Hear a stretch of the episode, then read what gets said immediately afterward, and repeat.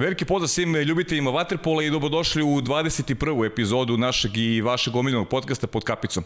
E, danas ste mi u društvu zaista još jedno veliko Waterpolo ime, čovek koji je imao blistavu karijeru, e, igrao sjajno kako na klubskom nivou, tako i repestivnom, sada je uspešan selektor svoje zemlje i čovek koji je E, postio Srbiju tokom prethodnih 5-6 dana i naravno smo iskoristili priliku da ga ugrebimo, da ga uvedemo ovde, da ispriča svoju kako životnu priču, tako i ono što e, smatra da je važno za neku budućnost Vaterpola, ne samo u Crnoj Gori, već i na, i na ovim prostorima. Nema Marine danas ovde, ne brinite sve u redu, već od sledeće podcaste verujem da će biti sa nama, dakle, opravdano Marina odsutna, nemojte da se, da se žalite previše na, na našem YouTube kanalu, a ja moram da onako istakne veliko zadovoljstvo što je naš gost danas e, Vlado Gojković. Vlado, veliko mi je zadovoljstvo što si, što si odvojio vreme, što si došao u naš studio i za početak pitamo svakog gosta kako se osjećaš u ovom našem ambijentu. Pa dobro, originalni studio, prije svega pozdrav za sve gledalce i evo, razgleda od, od kad smo došli tu podsjećanje na Formulu 1 i ostale stvari su stvarno super i izgleda odlično.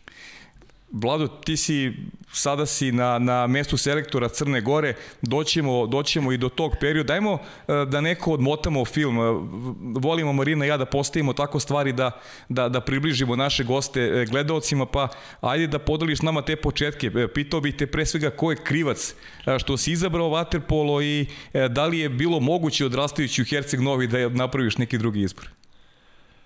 Pa kod mene nije bila porodična tradicija mhm. -huh. za vaterpolom i krivac je vjerojatno majka, jer ja sam imao bronhitis pa me povela u tu školu plivanja. Interesantno je da to je bilo dosta kasno za današnje neke parametre. Sa 9,5 godina sam otišao u školu plivanja, živio na moru, nisam znao da plivam. Tako da je, da je živa istina ovaj, da sam tamo uz, došao u taj institut gdje dan danas treniramo s Ija Miloševića uz ivicu u strahu da ću potonut.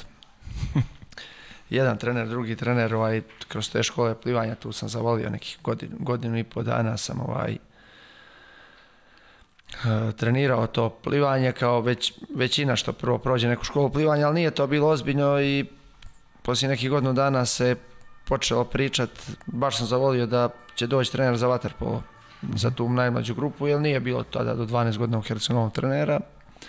I to smo čuli i slušali tri mjeseca i par nas je, dođemo na bazen, razvučemo pruge za plivanje i zaronimo i odemo na drugu stranu bazena kao uzmemo loptu, šutiramo, neka lopta bi bila.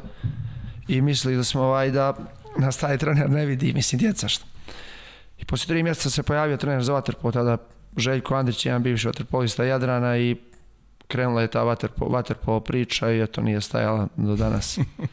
A kaži mi, il, il sam baš svakog dečaka da postane vaterpolista u Herceg Novom, koliko je kod tebe recimo u osnovnoj školi, u tvom recimo razredu, koliko je bilo dečaka koji, koji je treniralo vaterpolo u to vreme? Možda se setiš toga? Pa nije to tako veliki broj ko što, ko što se tako? misli, iako je u tom periodu bilo više nego danas, ali iz mog razreda samo nas troje, četvoro je otišlo mm -hmm otišlo na vaterpo od nekih 15, 15 dječaka. Uopšte iz te generacije, ja mislim cijeli, ja ne znam da je bilo više od 15 u cijelom gradu. Uh mhm. -huh. ne, možda, mislim, u poređenju sa Beoradi sa ovim velikim centrima sigurno malo, ali to je neki standard da mi nemamo ni dan danas u klubu preko 15 dječaka po godištu. Variramo od 5, 8 do 15 po jednom godištu. Vidi što je zablud onda koji mi imamo ovde. Ja sam, znaš, meni asocijacija uvek kao more, to, to koliko igrača Jadran u prošlosti dao jugoslovenskom vaterpolu i uvek neko mislim da je to brojka mnogo veća, da, da iz tog nekog kvantiteta izranja kvaliteta, ispada u stvari da vi svi koji uskočite u more da, da nekako imate, imate, ovaj, imate potencijal za, za, za, za vaterpol. Pa danas je još teže nego tada. Tad je mhm. bilo više, danas se raširilo to mnogih škola sportova, jednog, drugog, veći izbor sportova i tako da i mi se trudimo razne načine da privučemo djecu. Uh mhm. -huh. Kako pamtiš te početke? Da li je bilo teško ili, ili, ili se sve dešalo onako kako si očekivao? Da li si, da li si e, zabušavao na trenizima ili si prosto zavoleo vaterpolo od momenta kada si, kada si uplivao u njega? Pa ja sam ovaj, baš ono što bi mi sa igrači rekli bio opsednut sportom i pratio sam druge sportove i tu kod dijete tad sam ga zavolio. Nije meni vaterpolo bio prvi, prvi sport kojim sam krenuo, ali kad je već krenula ta vaterpolo priča, to kad se pojavio taj trener, to je bilo za godinu dana starije, krenuo sam da igram, tražim neko svoje mjesto, neke zamjene, jer sam bio godinu dana mlađe. Poslije sljedeće godine kad je došla moje godište, moje godište na red, u suštini tu sam ja shvatio da je to ono nešto gdje sam postao glavni igrač za svoju, genera, svoju generaciju i pojavio se taj trener, Boris ga je spomenuo, Ljubosav Bato Gavrilović, zvani Koreja, koji je za nas sve neki otac tog vaterpola i koji nam je usadio ljubav prema tom sportu i toliko je vodio računa o nama da dan danas on dolazi svaki dan na bazenu i ima odnos sa svima nama nevjerojatan koliko nam je ovaj bio drag i drag nam je danas. I krenulo je to tako, promijenio sam stranu u odnosu na ono što sam posle igrao, igrao tu zgodnu stranu što možda mu neko ne zna, bio golgeter što kasnije, kasnije nisam sve do ulaska u prvi tim i počeo da dominiraš za svoje godište na nivou Jadrana. Jadran nije bio klub koji je dominirao na nivou Srbije i Crne Gore. Mi smo bili tu u za moju generaciju treći ili četvrti Primorac iz Kotora, Partizan su bili, e, Zvijezda su bili neprikosnoveni, poslije se javio Partizan i preuzeo taj primat. Uh -huh. I poslije godinu dana, dvije, kako si jačao i kako si bio dominant za svoje godište, počeo si da igraš za godinu dana stariji, opet glavnu ulogu i ja nisam došao u situaciju, ne znam, jednom u životu sam rekao ja ću da prestanem i to kad sam nešto bio ljut na trenera i sva ta moja generacija je ovaj, prestala da trenira već, to je bila 92. kad smo krenuli, 94. nijedan od tih drugara s kojim sam krenuo nije nastavio da trenira, ja nisam i tako je bilo i uvijek sam se trudio, nisam ovaj zabušavao nikad na treninzima, poslije je to otišlo još ozbiljnije kako sam imao priliku da radim s velikim igračima pa si naučio još dosta stvari, ali kao i dijete sam uvijek trudio da budem prvi među svojima i tako je to ostalo do dan danas. E, sam si rekao da, da Jadran u to vreme baš nije bio u vrhu jugoslovenskog vaterpola u tom periodu kada si ti debitovao sa, sa 16 godina za, za prvi tim. E, da li si naslučivao da, da ekipu koju si tad ušao da, da, da, da može da promeni stvari i da, i da Jadran može da krene nekom uzlaznu liniju? Pa nije to izgledalo tako. Jadran je bio tu neki četvrti, pa bi peti, pa bi onda otišao još niže, pa i te godine kad smo mi ušli u prvi tim, ta generacija koja je poslije ispostavila da je fanta, niko to nije znao i uh, dvije godine prije toga sam razmišljao ako postanem kapiten Jadrana, znači ja sam ostao tu da nisam uh, uspio, a u suštini poslije je to bila želja moja da postanem kapiten Jadrana i postao Jadran taj klub ko, ko, koji je danas. Ali mislim da se prekretnica desila te 97. godine kad sam imao 16 godina i tada je današnji predsjednik Skupštine kluba Bor Mračević tad bio direktor i mislim da je uradio možda jedan najjačih poteza u cijeloj istoriji Jadrana dolazak Pera Parobića za šefa stručnog štaba i ja sigurno danas ne bi bio ovdje u ovoj ulozi i ne vjerujem da bi napravio takvu karijeru da Pero Parobić nije došao tada i od jednog kluba koji je bio pred gašenjem 14 igrača otišlo. Ja sam imao 16 godina gurno Borisa Jokića sa 14 godina mm -hmm. u prvu, prvu, u prvu ekipu i krenuo da radi i u stvari da nas uči kako da se ponaša sportista, šta treba da radimo, mi smo sve pogrešno radili. Mm -hmm. Niti smo znali i igrači sa mora kad dođemo pripremne prestacije su bili ono u onu ruku, da kažeš, indijanci. Mhm. Nisu znali, njima je to bila šala i da, znači to je neki potpuno drugi vid sporta bila od kad se on pojavio i ispravljanje što bi rekli krivih drina i To je bio proces koji je dosta brzo, već za dvije, tri godine isplivo i nazirala se jedna ozbiljna priča. A kad kažeš indijanci žargonski, misliš na neki taktički smisao ili, ili u, u, u opiši mi, opiši malo bolje taj, taj, taj, taj, taj izraz. Pa igrači sa mora su uvijek ovaj, ne mogu reći sve, ja nisam bio, ali manje trenirali. Mi smo Aha. znali doći na te pripremne prestacije potpuno nespremni. Uh mhm. -huh. A u, u taktičkom smislu, pogotovo, mada je taktike mnogo manje bilo nego danas, jeli igrao se na neki taj, da kažem, feeling, što kažu ovi igrači mora da imaju neki šmek i to i mhm. definitivno imaju, ali ne bi ja rekao da nemaju ni sa kontinenta, mhm. ali i taj, na taj način, jel nas je bilo dolje jedan igrač po generaciji dominirao i ti si radio šta hoćeš, ti si šutirao kad hoćeš, ti si mm -hmm, sve išlo na tebe. Ako imaš još jednoga, to vas dvojica vodite, ovi, ovi pokrivaju. Da, da, jasno, jasno. E, sam si rekao Pera Porobić, taj, taj njegov predani radi dobar osjećaj koji je imao e, dovoj do toga da, da Jadar napravi jedan dobar miks mladosti i iskustva. E, koliko su vam pomogli u to vreme ti stari igrač, igrači, Matijašević, Strugar, Krivokapić, da vama mlađima e, Zlokoviću, tebi, Jokiću, da bio je tu i Šefik u to vreme u Jadranu, koliko su vam pomogli da brže stasate, da mentalno jačate, da, da tu konkurenciju profesionalnu onako doživite na pravi način i da se brže aklimatizujete? Pa mi smo te prve godine krenuli sa tom A2 ligom, znači nismo bili među najboljima i igrali tu derbija sa ekipama koje možda ne postoje danas. I mene Porobić Zuk kroz jednu kup utakmicu nešto vidio da igram desnu stranu i pitao me ću da pređem na to gdje sam odigrao do kraja karijere na toj desno, desnoj, strani, desnoj strani i to je nešto vjerojatno i uticalo dosta na moju karijeru. Uh mhm. -huh. Da sam naš, na, našao to mjesto koje, kažem, nisam igrao protiv 4-5 godina u mlađim kategorijama.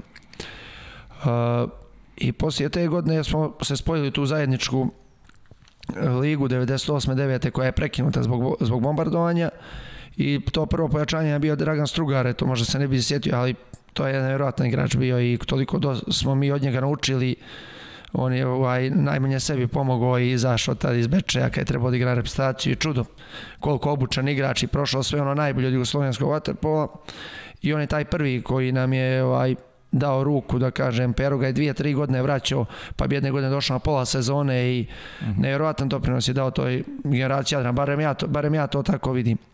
Vratili su se Krivokapić koji je kasnije bio kapiten Jadrana, one da kažem zlatne godine te generacije od 2003. od 2005. i jednu nevjerojatnu harizmu imao i vodio nas i ostao i smo svi sa njim dan danas u jednim izuzetno bliskim odnosima. Sinješa Matijačić koji je bio reprezentativac se vratio iz Njemačke i tako se sklopila ta ekipa koja je već u sezoni trećoj 99. 2000. igrala finale kupa sa Bečejom iako da kažem Primorac u tom momentu imao dosta jaču ekipu, tu nam je Vas Subotić bio kao jedan star igrač, da. reprezentativac koji je na zalasku karijere bio, ali jedno ogromno iskustvo u toj sezoni. Ali mislim da se ključ Jadrana drugi dešava 2000. godine dolaskom Denisa Šefika. Uh mhm. -huh. I ja to tad nisam tako posmatrao, ali 10 godina kasnije ili kad ili s ove trenerske funkcije kad vidim to kol, kakav je to golman bio i ja mislim da se nije rodio dan danas bolji golman, pogotovo u tom periodu dok je on bio u Hercenovom od 2000. do 2004. Ja mislim da je to najbolji golman svih vremena što sam ga ja vidio. E, to ima, ima baš jedno pitanje, ali to je pitanje gledala si biće na kraju, ali eto, kada si već pomenuo sada, znači smatraš da je Denis najbolji golman svih vremena? Pa ja mislim, ja to nisam vidio nikad i to je takva sigurnost i koliko smo mi velikih utakmica dobili zahvaljujući Denisu šef, Šefiku i sledeće godine je Partizan nas 2000. 2001. smo mi završili ispred Partizana po prvi put iza Bečeja, mm -hmm. opet igrali finale prvenstva sa sa Bečejom igrali finale kupa sa Bečejom na, produ, na produžetke, došli su Pejičić, Nikolić, Petrović, neki igrači Srbije, mijenjalo se već tu, neki su, neki su odlazili, pa onda smo imali jednu godinu 2001. na drugu kad je Partizan svoju titulu, kad nas je ono, pregazi, pregazi, u, pregazi u finalnoj seriji 7-0 u prvoj finalnoj utakmici u, u, u, u Beogradu i Poslije te godine, ta 2003. kad smo mi osvojili titulu, ta naša generacija je otišla gore i osvojila jednim nevjerojatnim da kažem, pobjedom gdje je krenuo taj put ka tituli na Banjici protiv Partizana, ja mislim šef imao preko 20 odbrana, to, ja mislim to ne zapamćam što je on radio u toj, u toj utakmici, ali to sad kad gledaš onda misliš u tom momentu mu ne pridaješ važnost tome, ali svak gleda neku svoju igru i ispostavilo se ono što nismo znali ta generacija da je bila fantastična i talentovana imala sve preduslove ali niko to tad nije znao. Slušaj, e, mislim da ima najviše pitanja za tebe od e, tvojih kolega koji su pokazali interesovanje da učestvuju u emisiji. Ajmo idemo na prvog, inače tvog bivšeg saigrača i tvog kuma. Možda pustiš prvi prilog Vanja. Veliki pozdrav za sve u studiju, veliki pozdrav za vašeg gosta, mog, mog e, bivšeg saigrača, mog e, prijatelja, mog kuma, Vladimira Gojkovića. Ne mogu se zadržati na jednom pitanju, već će to biti dva pitanja. E, prvo pitanje za Vlada je, s obzirom da si bio vrhunski u svojim asistencijama. Nikada te nisam pitao da li misliš da razlog tome leži u činjenici da si se bavio e, boćanjem kao klinac ili misliš da je e, razlog leži prosto u tvom genu i talentu. A drugo pitanje, e, s obzirom da imaš, da kažem i čak i savršenu memoriju, malo ću da iskusim pitanje posle koje pobjede smo zajedno pjevali sa, sa Željkom Samačićem? To su dva pitanja, nadam se da ću dobiti oba odgovora. Veliki pozdrav. Pa dobro, od, od, od, od Borisa sam očekivao nešto, ne, nešto interesantno. Ovaj, pa igrao sam taj drugi sport, ovaj, to mi je prvi sport bio s kojim sam počeo se bavim i može biti jeli, dosta osjećaja u ruci tu.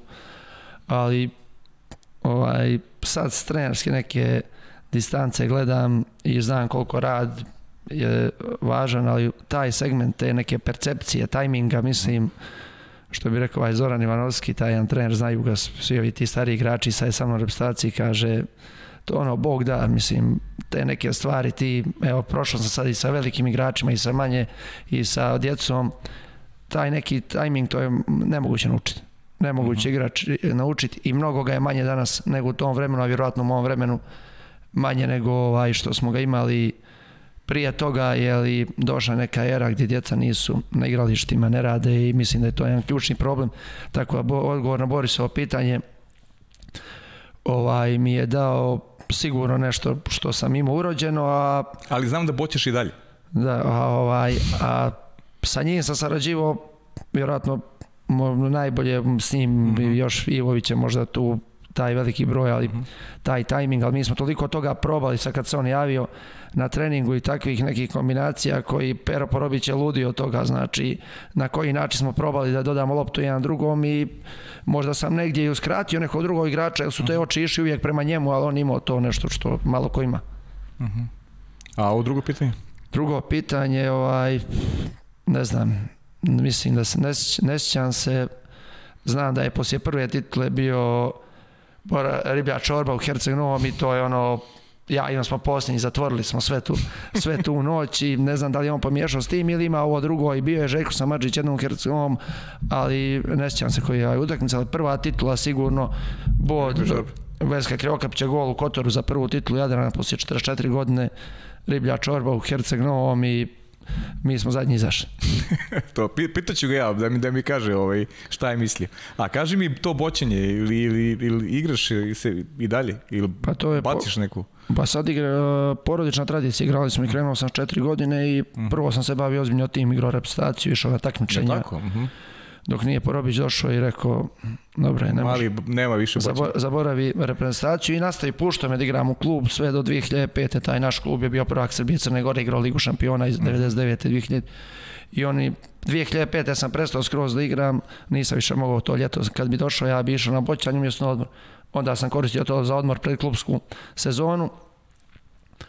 I pa sam se vratio da igram 2012. kad sam prestao aktivno igram vaterpolo, uh -huh. dvije, tri godine, pa sam opet prestao kad je ovaj uh, selektorski posao došao i sad sam igrao ovo ljeto ovu ligu, ali da se razumijemo, to do 2005. ja sam igrao i trenirao to na način koji sam trenirao vaterpolo kad ima vremena. Potpuno jednako, znači.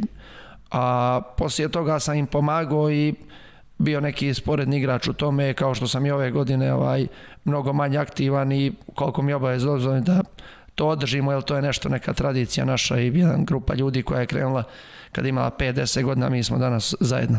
Da, znači, znači ljubav, boćenje, baš, boćenje baš, baš ljubav, da. Pa dobro, kako, kako si prošao sad letos na, na, na toj ligi? Pa sad evo igramo tu završnicu kupa, u ligi smo ispali u polufinalu play-off. Aha, dobro. Oni su prošle godine bez mene bili prvaci države.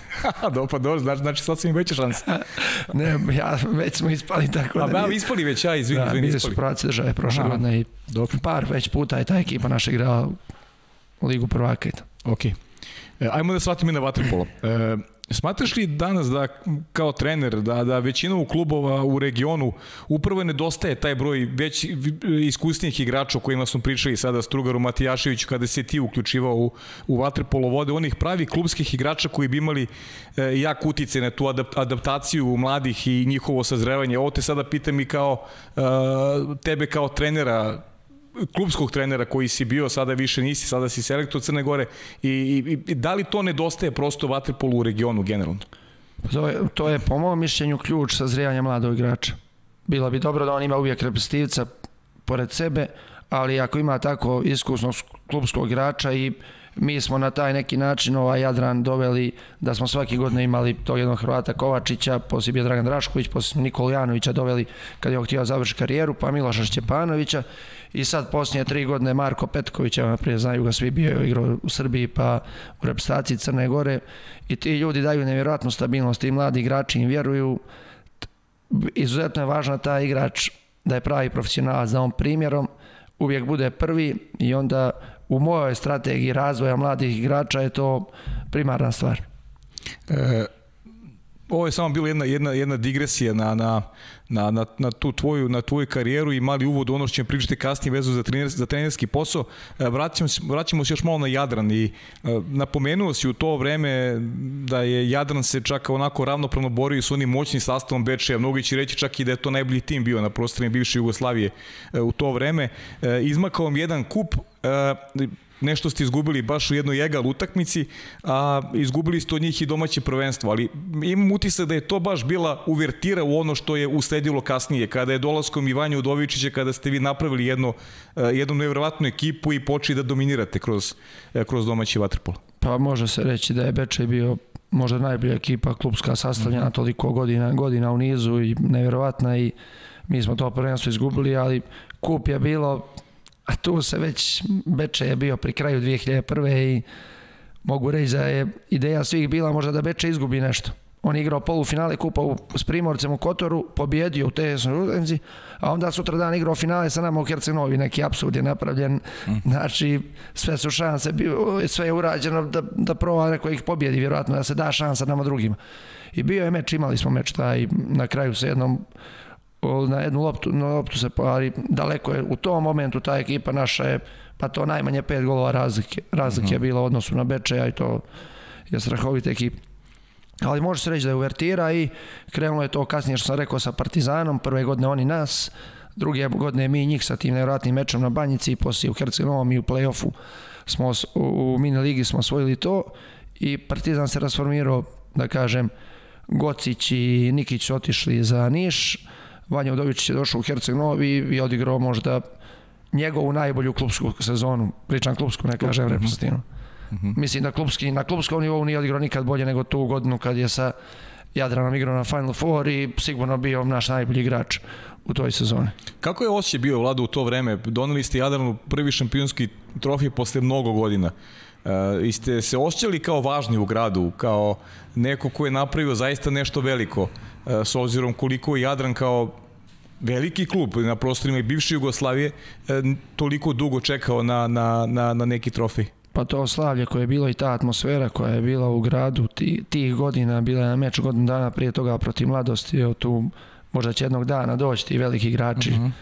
Štritov ili neko igrao, igrao je Vjeko Bešćak, ja mislim, u, u mladost, to je bilo, znači ljudi su dolazili po dva i po sata prije utakmice, išli kuća, gledaju na, tele, na televiziji, utakmice. Bila je euforija kakva se poslije već nikad nije ponovila od dvije, ni ove generacije kad smo imali možda jači tim 2009. 10. To cijeli grad je bio na ulicu taj, poslije te titule. Dugo se čekalo i Jadran je simbol, simbol grada i uspjelo je ovaj da se to napravi. E, ti domaći trofeji nisu manjkali tih godina, nisu manjkali ni kasnije kada, kada je Crna Gora postala samostalna država, nekako vam je, falilo me taj iskorak, falilo me da dođete do, do međunarodnog trofeja. Imali ste to polufinale Kupa pobednika Kupova kada ste izgubili u mladosti i pričali smo pre početka, pre ulazka u studiju, ta 2004. godina kada ste bili mlada ekipa, Možda je vaš hendikep u tom trenutku bio što ste igrali protiv domaćina e, tog finalnog turnira. Izgubili ste jednu egal utakmici na, na jedan gol, ali ste zaista bili i suviše mladi, rekao bih to trenutku. Imali ste mnogo potencijala, ali da možda da se možda iglo neku neutralnom terenu, možda biste mogli tada i taj Honda da pobedite u finalu. Da li imaš taj utisak? Pa slažem se, ovaj, ta sezona je nestvarna bila, rekao sam, ovaj, prvo pobjedili smo tog Volgograda koji je bio dominantna ekipa Rusije i pa onda pobjediti Juga u Dubrovniku, Honveda kući, toga isto Honveda. -huh. kući. I mi smo malo već poslije tri kola obezbijedili odlazak ovaj, u, u, to četiri, u to četiri finale. I to kući je bilo nemoguće igra u Herceg-Novom protiv nas, znači niko nije mogao razmisliti. Otišli smo protiv Honveda tamo bez Borisa, bez 6-6 završili tamo, Denis isto zatvorio sve nevjerojatne ovaj, nevjerojatnu utakmicu i to finale mislim da smo izgubili jedan razlik 7-6 ili nešto. Nešto tako na Final Fouru, težak meč protiv Šturma u polufinalu gdje smo gubili 2 ili 3, 2 ili 3, 2-0 ili 3-0, 5-3 je završilo e, za nas i vjerujem da bilo gdje drugo vas igrao da bi osvojili, jer mi u tom meču ni po čemu nismo bili loši, imali smo do kraja treće četvrtine i prednost, ali što su poslije rekli, kaže, pa Honved kaže, gubi finale jedno, drugo, sad igra kući, izgubio je bio i od Olimpijakosa u Budimpešti, izgubio od Proreka u Đenovi i ostaje veliki žal, jer Jadran da dan danas nije osvojio taj evropski trofej. Da. E, ti si vlada imao čast da postaneš i kapiten tima je. Nakon e, e, Krivokapića, kao što si rekao. E, da li se tada razmišljao o trenerskom pozivu ili se to dogodilo kasnije? Da li sad ima u glavi uopšte percepciju da bi mogao da budeš trener? Pa ja sam otprilike tih godina 2003. da 5. 6. ja sam već u suštini razmišljao da bi to, da bi to radio i to me privlačilo i dosta tih mladih igrača je uz nas, uz nas stasavalo već u Budimpešti su bili, Andrija je igrao, Le, Leka Ivović je bio na mhm. tribinama, znači 14, oni su već igrali tu sezonu, sledeće dvije izuzetno, pogotovo tu prije nego što su se odvojile države, jedan i drugi su bili glavni igrači već kluba. Tako da ovaj, uživao sam jer su bili pravi profesionalci i što sa tim savjetima već tad koliko si mogao da im da ih usmjeriš na neki način. Uh -huh. e, interesantno mlado da si ti jako malo igrao izvan e, Crne Gore. U stvari to se dogodilo u periodu između 2006. i 2008. godine kada se proveo u ruskom kazanju. Igrao si tada sa, sa Dekijem Savićem i sa, i sa Dačom i Kodinovićem. Osvojili ste prvenstvo i osvojili ste kup plen, ono što je interesantno koji ispostavit će se kada si uh, sublimirao učinjen u klubskoj karijeri da ti je to jedini međunarodni klubski trofej. Kako, kako, te, kako pamtiš taj period? Pa Jadran je već posle tog Final Fora u Budimpeštu Boris je otišao, otišao mi smo napravili jako ekipu, došao Soro, Nikić, mm -hmm. Gak. Ovaj, I opet smo ispali u četvrtfinalu od Juga na nevjerojatno jednoj utakmici u, igralo se u Kuparima, nije bio gotov bazen u Gružu. Sledeće godine su otišli i Vanja i Jokić otišli i Sora vratio se Šefik i mi smo imali isto jednu nevjerojatnu sezonu s mladom ekipom, došao je Hrvatski centar, tada Premuš, uh. -huh. fantastičnu sezonu, Nikola Janović, Andrija na jednoj strani, vamo Leka počeo da igra i išli smo, išli smo sve izgubili od Borisa u Napolju, taj četvrtfinalni meč, evo, to je, mislim, ono, rijetko kad sam spomenuo suđenje, ali neka dva meča u karijeri, to je nestvarno bilo, ovaj, mi smo odli cijeli meč, dva razlike, trebalo nam je tri, nijedan šut nismo imali dozvoljena gol kad smo vodili dva razlike. Tek kad primimo jedan gol manje da bude za njih, za nas, oni su nama dali da ne sviraju kontrafaul. I tako je protekla utakmica, na peterce smo ispali ovaj, i posle te godine u suštini krenuli su i odlasci iz Jadrana. Ja sam već imao načel dogovor da želim da ostanem, nisam imao neke ponude iskreno od ozbiljnih klubova i deki me nazvao, ja rekao, pa preko planiram da ostanem. Kaže on, ajde molim te mali, kaže samo ovaj, popričaj sa, ti, sa, sa tim ljudima, kaže Dača dolazi i ono, kontaktirao sam s kazanjom neka nenormalna ponuda za mene u tom momentu. Mm -hmm.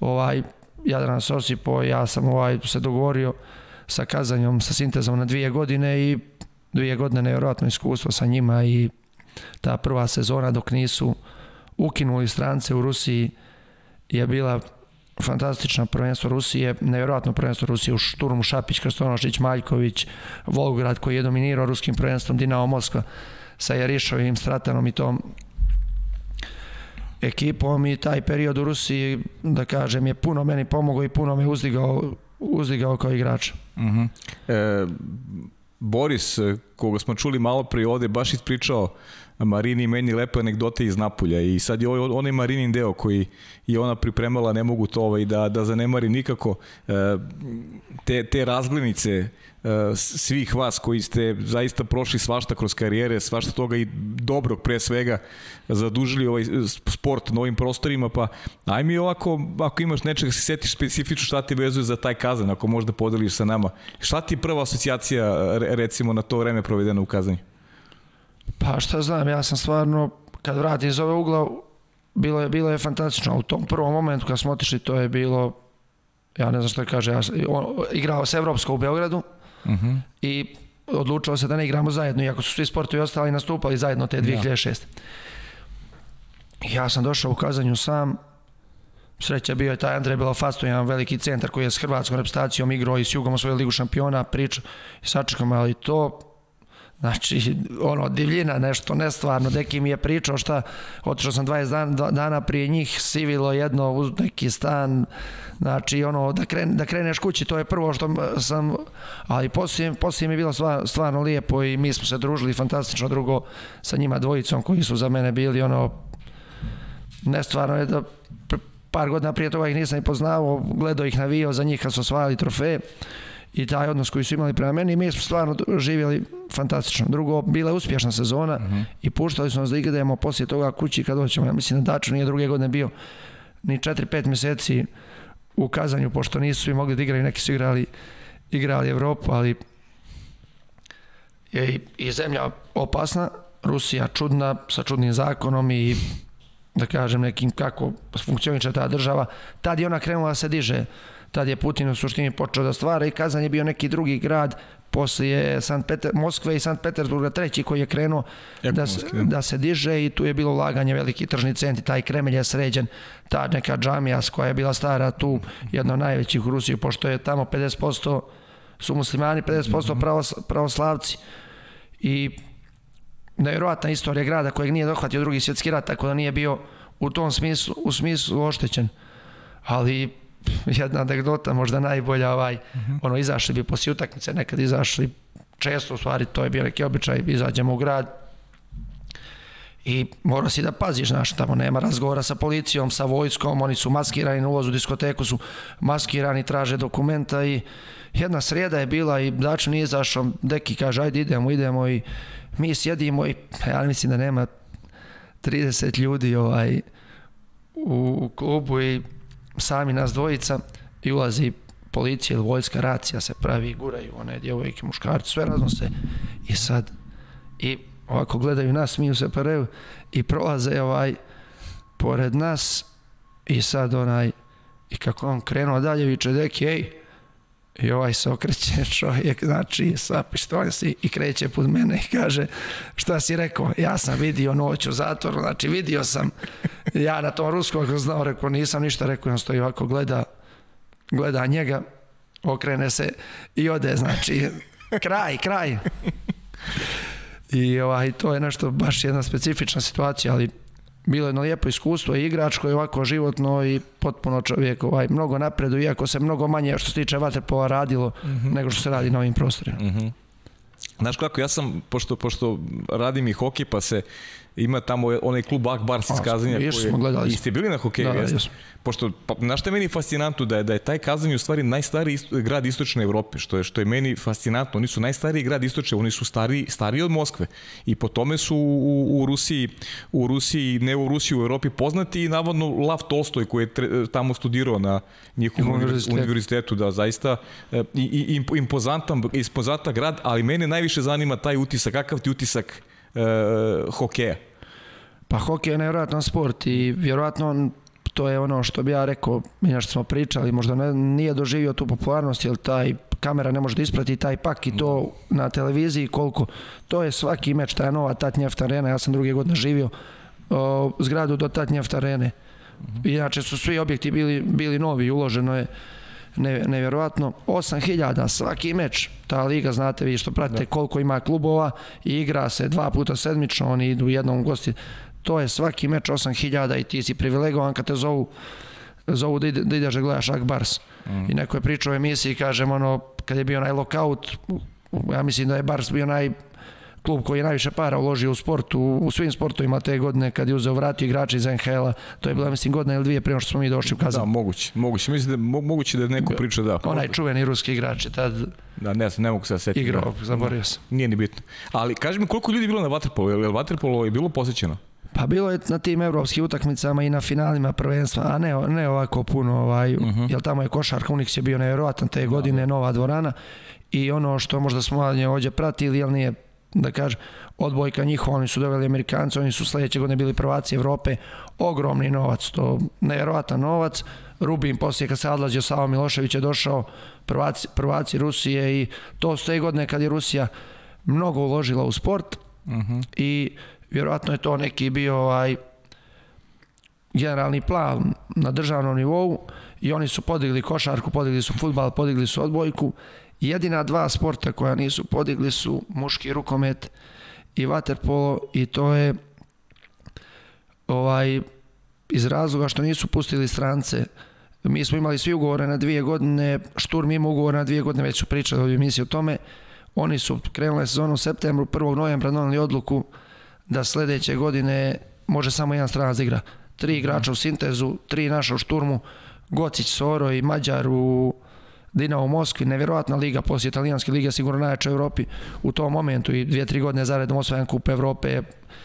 I oni su donali odluku, nema više stranaca. Nikoga nije pitalo što su ti ljudi pod ugovorom neki tri, tri godine i mi smo završili da sledeću godinu sam ja uglavnom igrao prvenstvo, deki igrači su igrali samo, uh -huh. samo Evropu.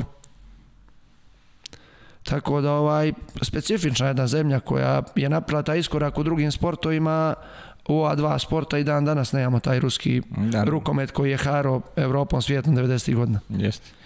E, Vlado, 2008. Vratiš su Jadran, neko tvoja, imamo jedno pitanje, to ćemo za kraj da ostavim gledalce, da, da, da, da, im, da im se ne mešam ovaj u, u njihova pitanja. E, 2008. gde bi Vlada Gojković nego nazdu Jadran? Prava ekspanzija crnogorskog vaterpola dešava u to vreme. Jadran i Primorac su bili izuzetno jaki, Budva, pojavljuje se Kataro koji je takođe osvojio međunarodni trofej. Može se reći da je u to vreme E, mislim, u Crnoj Gori je i sada vaterpol jedan od, od, od vodećih sportova, ali u to vreme mislim da, da nije bilo čoveka koji nije pratio vaterpol. Pa ja se 2007. već... Sedmi, je li tako? Ne, ne, osme, upravo ste, ali sedmi, ja sam ja htio da se vratim. Jadran se stabilizovao i zvali su me da se vratim odmah i Kazan se nije saglasio uh -huh. s tim i dobro, ostalo tamo 2008. sam se vratio i u jednu mladu ekipu koja je, nije ništa dovela sem se vratio taj premuš koji je bio tad kad sam ja igrao, on je otišao mladost pa se vratio, ozbiljan centar i poslije sa Italijom svoje olimpijsko srebro.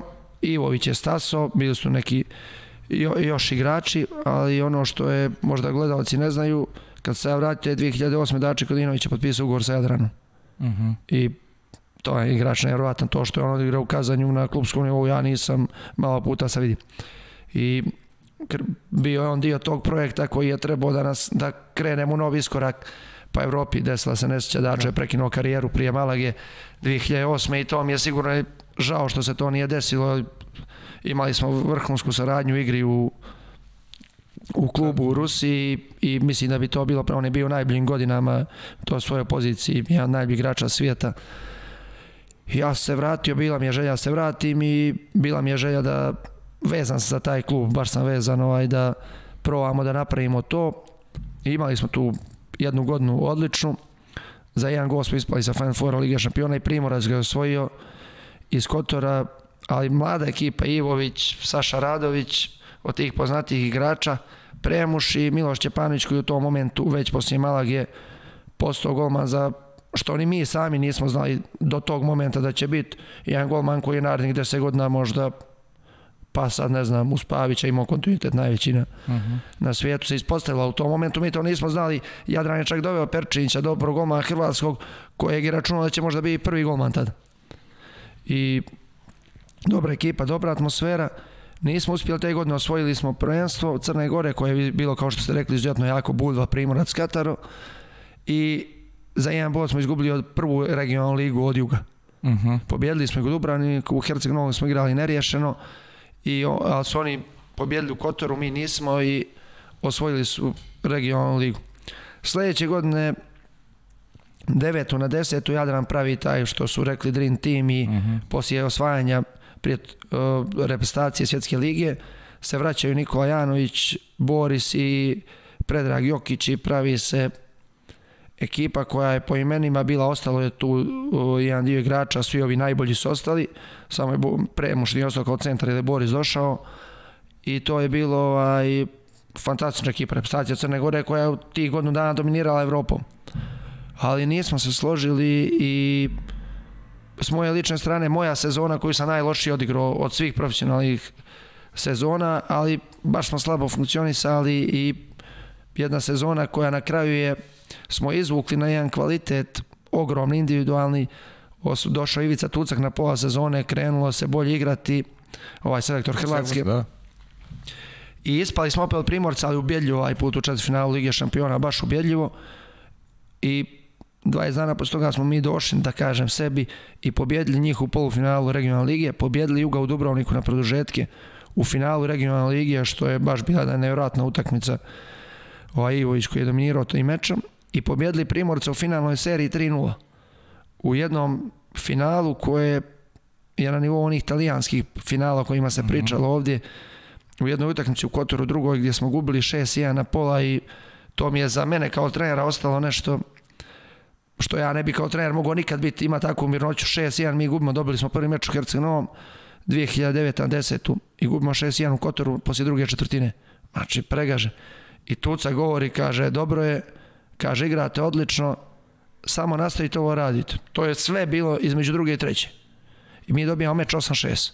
Na tom nivou dvije, najjače, dvije od da. pet najjačih ekipa Evrope. To je nemoguće zamisliti da može biti na tom nivou takav preokret i dobijamo treći meč u Herceg Novom, osvajamo titulu i opet Jadran ovaj, da kažem se osipa ostaje taj kostur od godinu prije Šćepanović, Ivović i ja vraća se Premuš još jednom i sa nekim da kažem manjim timom kao peti u regionalnoj ligi te godine. Te godine regionalnu ligu igramo sa Primorcem četvrtim četvrtfinale regionalne lige. Gubimo tamo, dobijamo kući i dobijamo na penale u Kotoru. Idemo u Rijeku gdje je Primor je već sa Denešom Vargom, braćom Vargom mm ubedljivo prvo u prvenstvu i Jug drugi u regionalnoj ligi, koji je nas dobija sedam razlike prije toga u Dubrovniku Ligi šampiona. I mi s tom ekipom osvajamo regionalnu ligu 2011. u Rijeci. Možda jedan od najvećih uspjeha Jadrana u koga je sve pobjedio mm -hmm. u tom momentu. Ja sam igrao još jednu sezonu 2011. na 12. Ali tad su otišli svi ti igrači, otišao i Nikola u Jug. I ostao je opet samo Premuš, Miloš i mi i neka djeca i ispali smo za jedan gol u četvrtfinalu Lige šampiona od Primora koji je igralo finale u Oradeji i osvojili prvenstvo Crne Gore i kup i tu sam završio tu igračku klubsku, klubsku karijeru. Ovaj, godinama smo ispadali u četvrtfinalu i to mi je sigurno kao igraču najviše žao što nismo poslije one Budimpešte.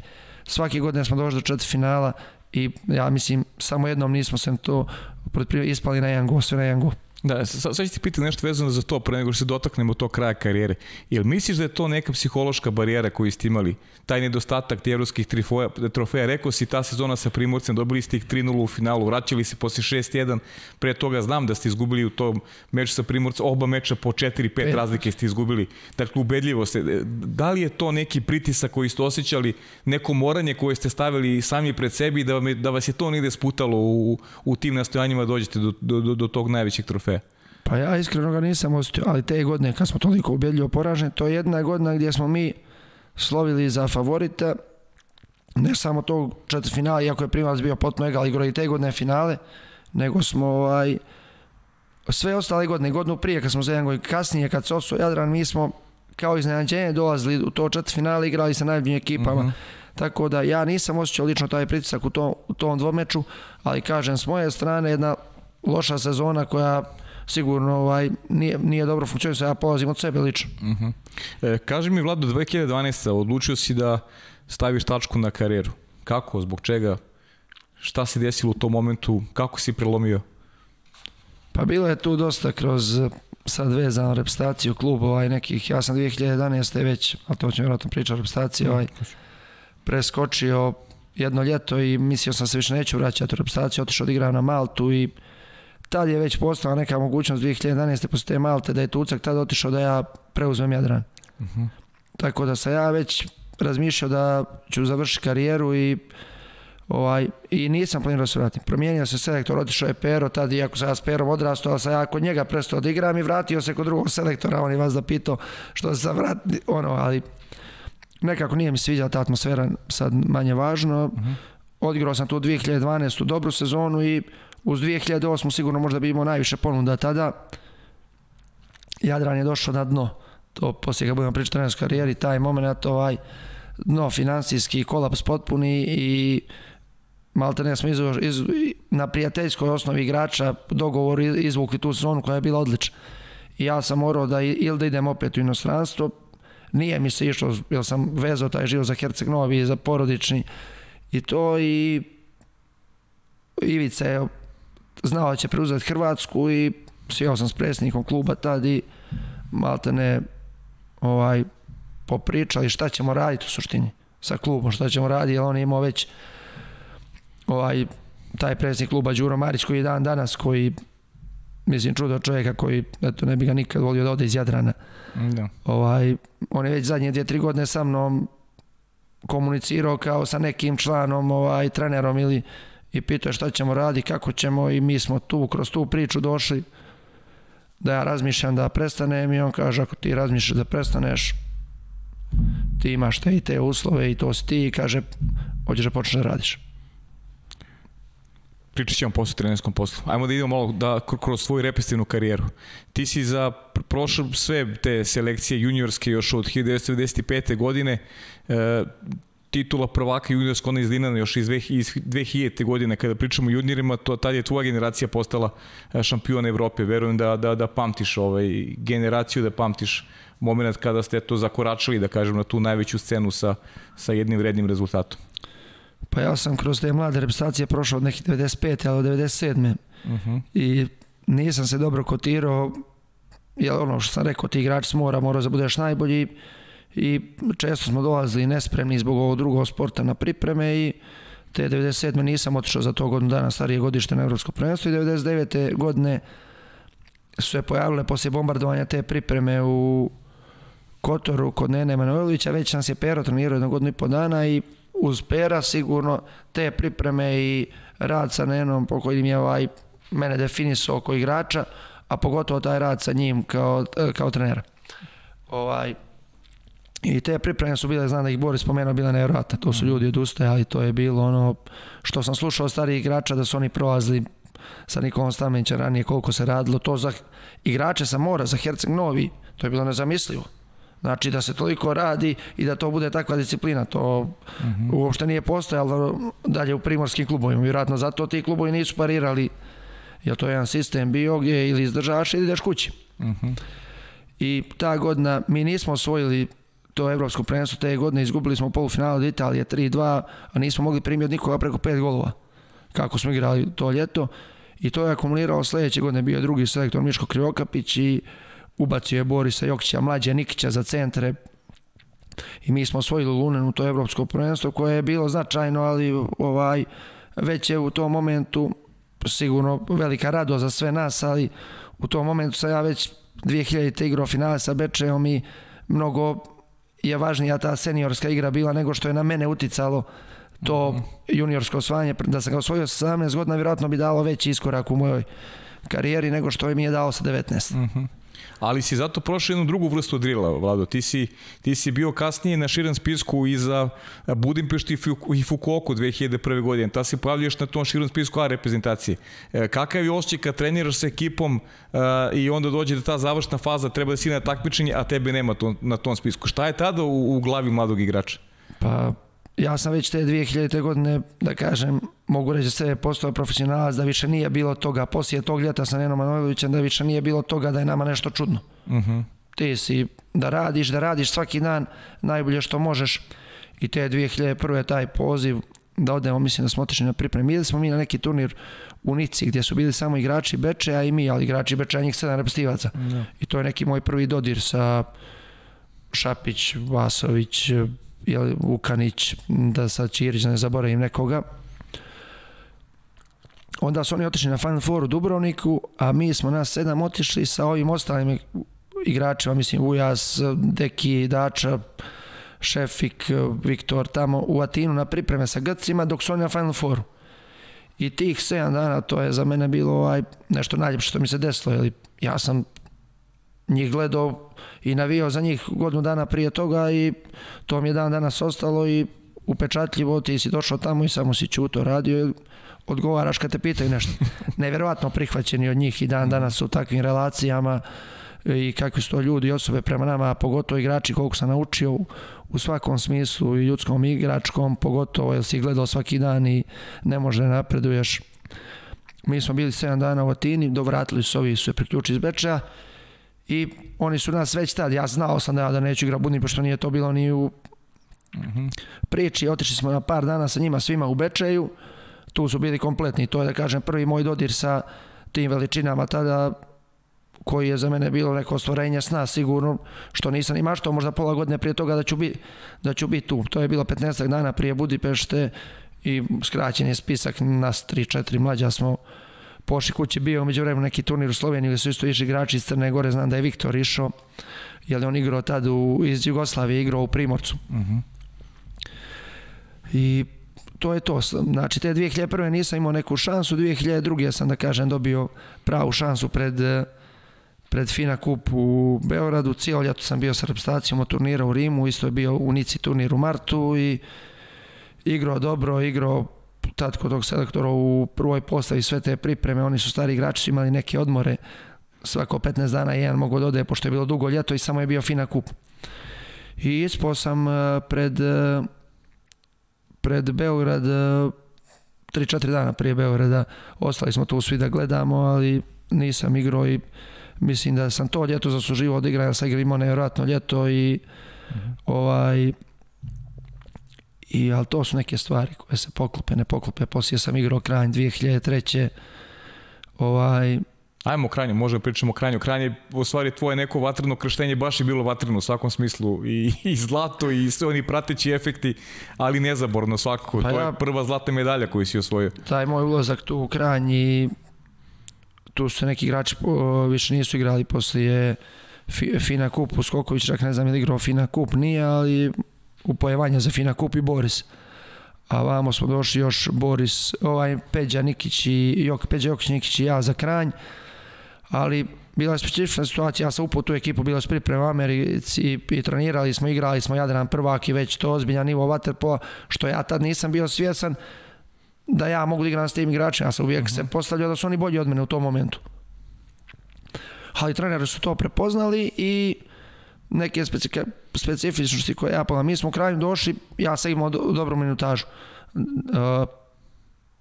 Petar nije igrao, Trbojević, nevjerojatan igrač na mojoj poziciji, to mjesto imao je uh, koksaki virus ili nešto i to je otvorilo to mjesto za menja i Gocića u tom momentu. Gocić je i ja i on smo igrali od početka turnira, došao je meč četiri finala, Dačo se vraća koji je bio povrijeđen, imalo je pravo promjene i bilo je pitanje, znalo se to, nije mene niko trebao reći, da li ostajem ja ili Živko u 13. Mm -hmm.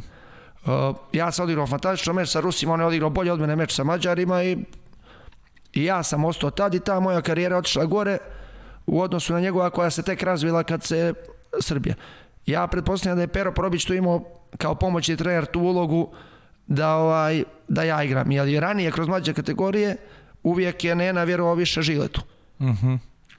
I ja to tek kad sam postao trener sam shvatio koliko ti tom igraču koga treniraš u klubu, koliko taj drugi treba da bude bolji da bi ti u ključnim momentima yes. njemu vjerovao. U tom momentu sam bio ljut. Ja sam igrao vaterpolo, imao sam podršku tih igrača i neđe kad sam s Perom Porobićem poslije 4-5 godina, iz tog razgovora sa ključu kaže on, sjećaš se, ali u kranje sve došlo na svoje, ti si dobio minutažu, odigrao i odigrao je odlično evropsko prvenstvo tad. A ja ga pitam, Pero, a 2002.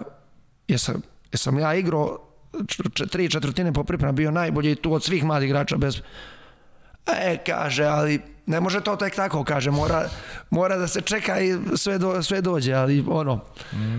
tako su neke stvari, se možda i naprijed odluče, sve to znamo mi iz nekeg, ali taj kran je sigurno za mene reprezentativno, uz Malagu koja je poslije imala svoje specifičnosti, ali neka nova takmičenje sa tim igračima, igrati i učiti od njih i malta ne živjeti sa njima toliko vremena, tri mjeseca je za mene bilo neko ostvarenje vaterpo, kompletnog vaterposna.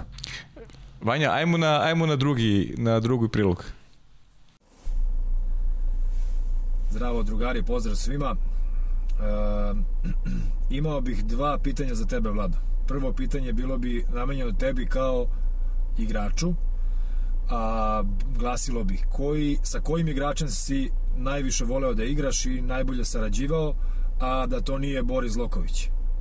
A drugo pitanje bi bilo za tebe kao, kao Vladimira Gojkovića, selektora Crne Gore i trenera, e, da napraviš paralelu, odnosno da izvojiš neke najbitnije, najznačajnije, da kažemo, razlike između e, takozvanih primorskih igrača i igrača iz kontinenta.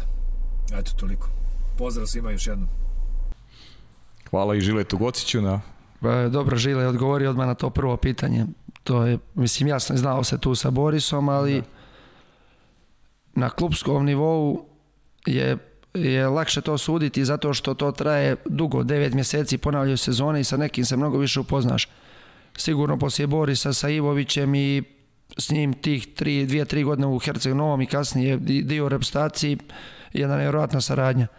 A drugi igrač s kojim sam igrao klubsku sezonu nevjerojatno je Dalnoj Kodinović u Kazanju i takav igrač, ja ne znam to kako, kako je on igrao na klubskom nivou, ne u reprezentativnom opet kažem za repest nivo, to su drugi neke, neka moja viđenja kako je ko igrao, ali klubski nivo taj gdje ti s igrači se upoznaš i malte ne žmureći ti igraš sa njim i u ključnim momentima sve te lopte znajući ja dodavao te lopte idu, idu, idu na ta mjesta jeli ti si siguran da je ta završnica perfektna tako osim Borisa to su ta dva igrača ovaj na, klub, na klubskom nivou i izuzetno dobru saradnju ovaj sam imao i par godina u Jadranu sa Janovićem, ali kažem Boris, ovaj, poslije Borisa, sigurno Ivović najviše. Mhm.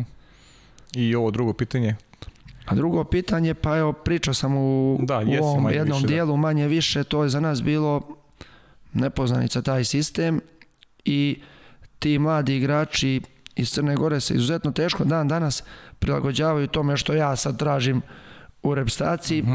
koji nisu iz Jadrana, koji nisu to prošli već već kroz Jadran. To je bio sistem rada, škole, i neko kaže malo smo više talentovani, ma- manje, ali nisam ja siguran, ali mislim da je u tom drilu, kao što si prije rekao, i u pristupu od malih noga i možda što je ovdje veći broj, pa je veća konkurencija, ti se boriš za svoje mjesto pod suncem, a meni je bilo dato mjesto pod suncem, jer sam najbolji u, svo, u, svo, u svom godištu.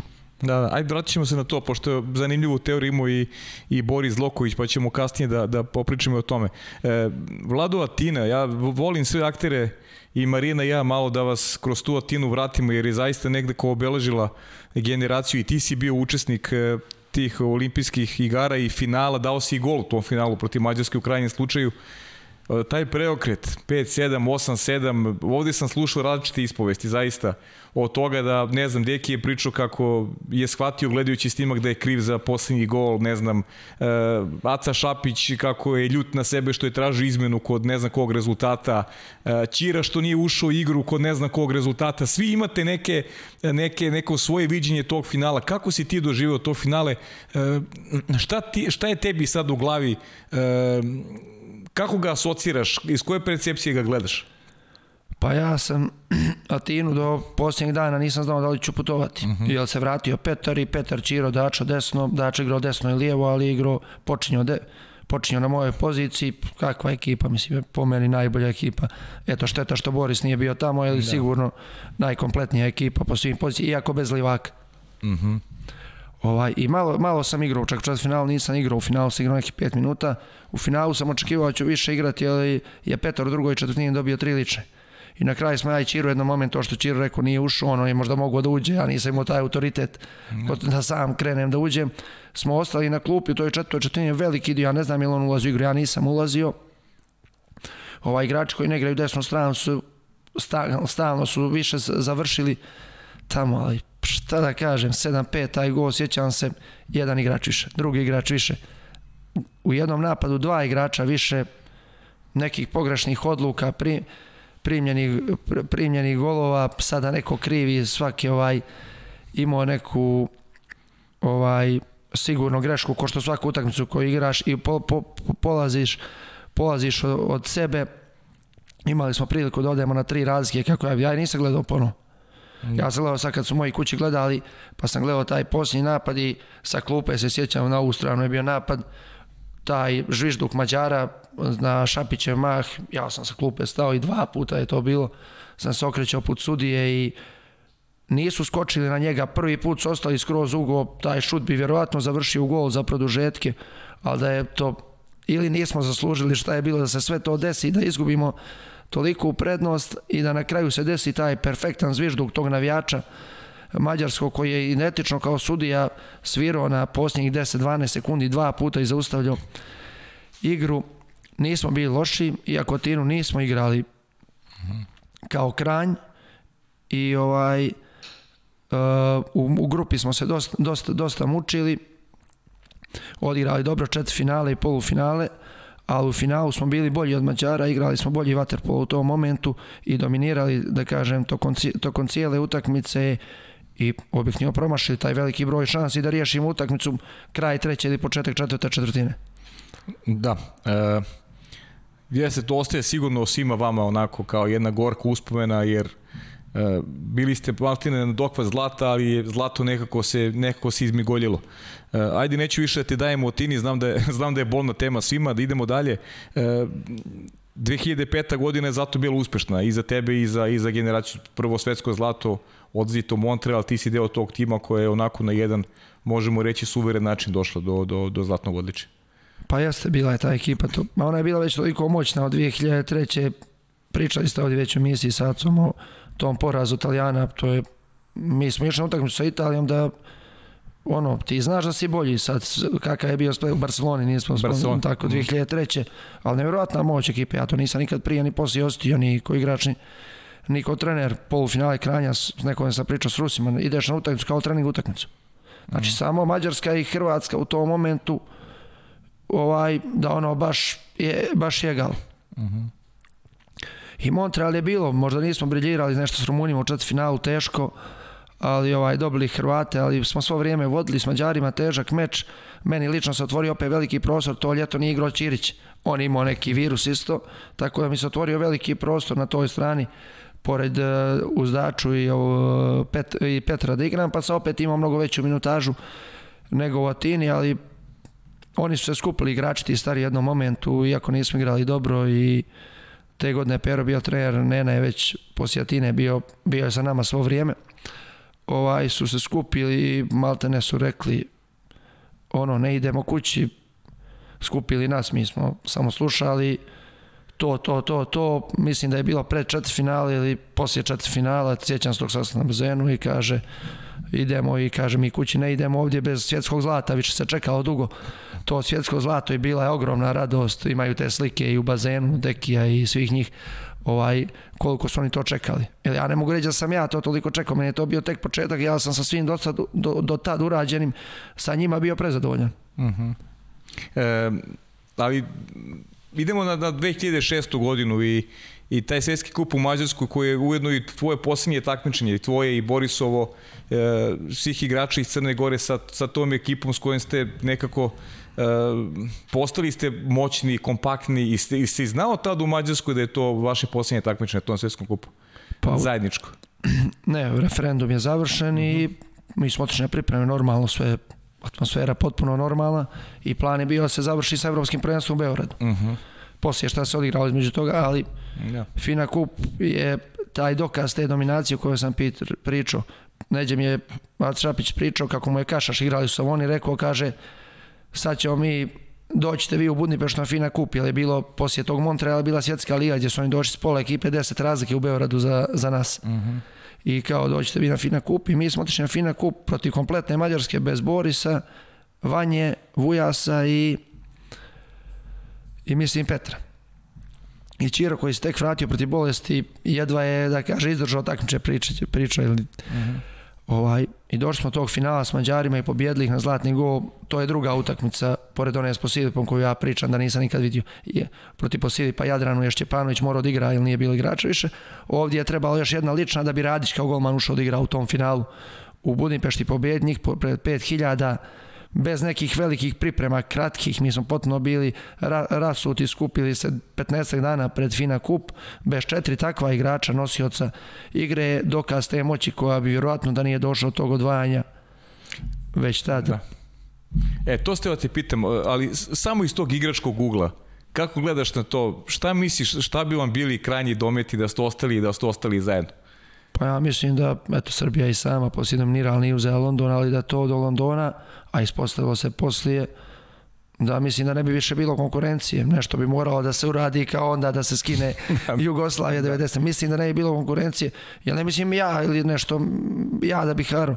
Tu su dolazili takvi igrači u Crnoj Gori i u Srbiji koji su poslije bili bolji nego što sam ja igrao i koji su dan danas najbolji igrači svijeta da bi to išla jedna smjena na smjenom i mislim da se ne bi izgubio taj olimpijski niz 2008. i 2012. Mm -hmm. da bi to bilo da bi to bilo osvojeno nastavilo bi se samo i pitanje, vjerovatno bi se izgubilo neko takmičenje, ali sumnjam da bi se više pustila ta olimpijada sa takvom snagom. Da, da. Ali došlo je neizbježno do, do, do tog razdvajanja i dolazimo do te 2008. godine i, i eto, kako život to već namešta, 2008. godine Evropsko prvenstvo u Malagi, e, veliko finale, s jedne strane Srbija, s druge strane Crna Gora, vi do jučerašnji saigrič jedni protiv drugih. Ja iskreno ti kažem, malo je ko očekivao da može dođe do tog velikog finala, ali ispostavio se da, eto, da ste napravili dve velike ekipe. I kakav je osjećaj Vlado bio igrati, tu nema nepoznanica, vi se znate jako dobro, igrate za veliki ulog, šta o takim utakmicama odlučuju, kakve su emocije, kako, si, kako ti pamtiš taj meč koji je na kraju rešen u produžecima velikom pobedom Crne Gore? Mi smo 10 dana, ne znam to ko spomenuo, u, u polufinalu Svjetske lige u Dženovi izgubili od Srbije 13-3. 13-3? Poveli smo 1-0, izgubili 13-3. Otišli smo u Mađarsku na pripreme. Razlika od tog meča do ovog poslije je što njima nije igrao Dačo, jer se desilo to između, da, toga, da, između toga i toga, ali Srbija je dominantno došla do finala u Malagi, što se i očekivalo. Mi smo vjerovali, iako je bio debakl ta svjetska liga, izgubili od Australije za treće mjesto, vjerovali smo, odigrali smo taj turnir u Mađarskoj na, na jedan go izgubili od Mađarske koju smo čekali u grupu. Ali jedan nevjerojatan turnir, mi smo pobjedili Španiju prvo kolo, jedan razlike, 8-7, gdje su igrači sklupe dali doprinos neki, pa onda Grčka gdje Šćepanović drugi put na turniru ulazi da mijenja Radića i od tog momenta postaje vjerojatno neću reći, možda, možda vjerojatno najbolji igrač Crne Gore na tom takmičenju. Pa meč sa Hrvatskom gubimo 3-0 u grupi, mi okrićemo i izgubili smo sekundi ovaj, svaki neki dio prvenstva, Mlađe Janović tu daje 20 golova u, u, u grupi, nešto nevjerojatno kako se javio igrač za igračom i svi ostali koji su dali dop, doprinosi. Mi smo sve te utakmice, spomenuo je Boris ovde, jurili, gubili dva, tri razlike, i i prestizali i dobijali i Mađarsku i Grčku, gubili 12-10 minuta prije kraja i tim remijem na kraju nismo trebali biti prvi u grupu. Grčka je koja je ispala, odigrala nerešeno posljednji dan sa Hrvatskom i nas gurnula direkt u, po, u, u polufinale. Uh, kao prve i gurnula Hrvatsku koja je trebala biti prva na treće. Uh -huh. I zakazala, pretpostavili smo taj meč Hrvatske u četvrtfinalu da će proći, zakazala nama meč od Hrvatske od koje smo jedino izgubili u grupi. Uh -huh. Taj meč. I došao taj meč sa Hrvatskom, nevjerovatno, koja je osvojila Melbourne, bila prije toga i dalje Hinić, Modlaka, sva ta sukna se pojavi na tom takmičenju prvi put. Prvi put i opet mi gubimo 2, 3, ja ne znam ili 4-0 bilo i okrećemo i dobijamo meč i došlo je to finale sa Srbijom. Za mene iskreno specifično. To je ono, do juče zajedno, svaki dan si u kontaktu i igraš protiv, protiv tih, tih ljudi, mi osvajamo protiv, protiv njih na produžetke, ovaj, ne mogu ja reći da oni nisu imali želju, ne, ne može niko nema želju u finalu, ali taj, to neko ludilo nas koje je vuklo, prvo to takmičenje je bilo vjero, vjerovatno, vjerovatno nestvarno. Mm. Misliš da na, na, toj, na toj nekoj energiji koju ste imali prvi meč, uh, u stvari prvo finale, da vas i to nekako... Pa cijelo takmičenje to išlo prema da, gore, da. gore, gore, gore. Ne može se reći da su mi bili bolji od, od njih, jer oni su i dalje igrački, pojavili su već Filip Andrija, bili pokriveni ovaj, na svim pozicijama.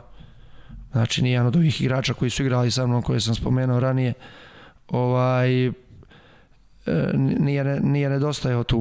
Mm -hmm. Tako da taj sudar sa Šapićem, sa igračem koji ja ne mogu zamisliti da ga nikada neko ja ne ja nisam mogao čuvati bez te pomoći.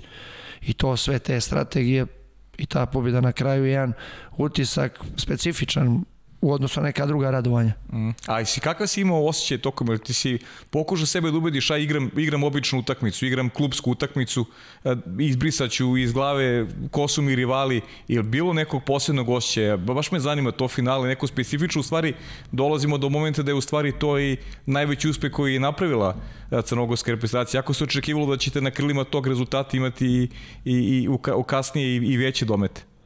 Pa ja nisam to, ja sam se u suštini pripremao i mm. druga prednost je naša bila što smo mi njih sigurno dobro znali. Mm -hmm. ovaj, jer ja godinama ovaj, sam tu kod kad je još Nena bio selektor kad se pripremala taktika sve, oni su vježbali napad, vježbali pripremu za utakmicu, ja sam uvijek bio taj dio odbrane. I to je neki moj glavni zadatak bio da čuvam to u njihovu najbolju poziciju, četiri bio Vlado ili Šapići i moja priprema je bila ta da oteža njima taj posao do, najviše. Radili smo razne stvari, neke koje ne radimo sad, nelogičnosti, vukli ih na drugu stranu, pogotovo Acu, znači da mu što manje damo napada i to je priprema bila. Nije bilo nikako ovaj, nešto da ne igramo s njima, da razmišljaš kao obi, uh -huh. obično, tako znali smo finale i mi smo sebi rekli, mi nismo došli da uzmemo srebro kad smo došli dotle. E, stigli ste u Crnogoru i dočekani kao veliki horovi. To je zaista bio neverovatan uspeh i e, zlatna medalja, radost svih u Crnoj Gori. E, okitili ste se zlatom. Na šta mi je Boris rekao? Boris mi je čak rekao da misli da je možda to zlato došlo prerano i kao da vas je, kao da vas je to možda e, negde malo i uspavalo. Kako ti gledaš e, kako pamtiš pre svega taj doček i da li si ti u svojoj glavi imao uh, razmišljenja da ok, tek smo krenuli, čeka nas sada još mnogo velikih rezultata? Pa ja sam, kažem, vjerovao u to, mm -hmm. taj rezultat da možemo napraviti Malagi, ali meni je ovaj preokupacija tog ljeta bila olimpijski igre. Mm -hmm. Ja iskreno, znači nisam ovaj slavio tu Malagu na neki način koji sam slavio neke titule sa Jadranom i to, mi smo poslije 37 dana bili su taj doček nevjerojatan to, ja ne znam da se to može ponoviti toliki broj ljudi i taka euforija u, u državi, to teško da se ikad može više ponoviti. Ja, mi smo otišli u Maribor na pripreme i ja znam da je meni taj Maribor bio ključni da se pripremim što bolje za olimpijske igre i mene je iskreno u tom momentu samo to ova, interesovalo i mislim da me nimalo nije poremetilo to Mm. Boris je pričao tu da je poremetio i mislim da je poremetio dosta sve ta euforija i to da je poremetilo. Mene lično, kažem, potpuno sam bio fokusiran i kažem, malte ne mogu pričati uopšte o slavlju, niti, ga pamti nešto sem tog jednog, prvog dana kada je to došlo. Uh mhm. -huh. E, igrali ste, Vlado, kasnije se sudbina se, eto, sudbina namešta, tako, život namešta da ste e, imali kasnije još tri važne duele koje ste odigrali sa, e, sa Srbijom. Igrali ste u velikom finalu Evropskog prvenstva u Eindhovenu i igrali ste tu ta dva meča za bronzanu medalju u 2008. i 2012.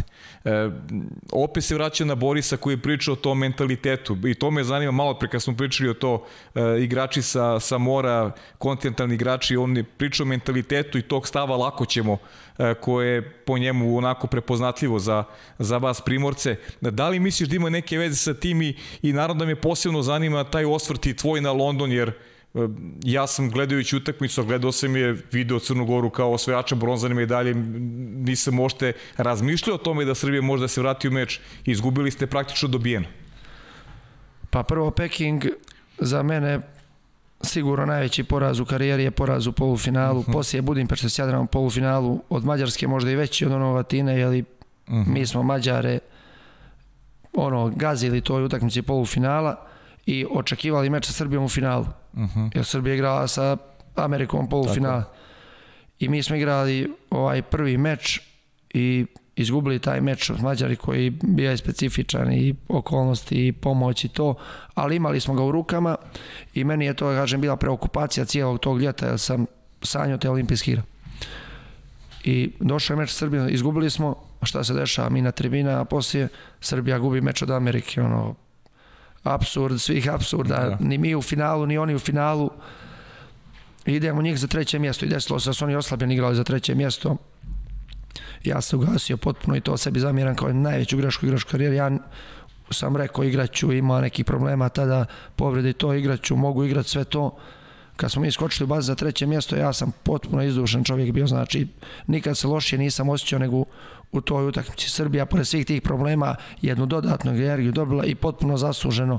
Imali smo jednu šansu za povratak, poniš naš jedan gol, baš sa ja bio u situaciji, svira na dva metra, potpuno regularna, kažem opravdano poništen za 5-3 i nismo uspjeli da se vratimo do kraja i s ovo je distance i već poslije 2-3 godine sam ja vidio kolika je to greška u tome što nisam napravio dovoljan pristup, ono, sebe pripremio za tu utakmicu. Uh mhm. -huh. Sa moje strane priča. Uh mhm. -huh. Ali ne, sa drugi igrači su sigurno bili pripremljeni i dali sve od sebe, ali vjerovatno vas to sve poremetilo. Eindhoven 2012.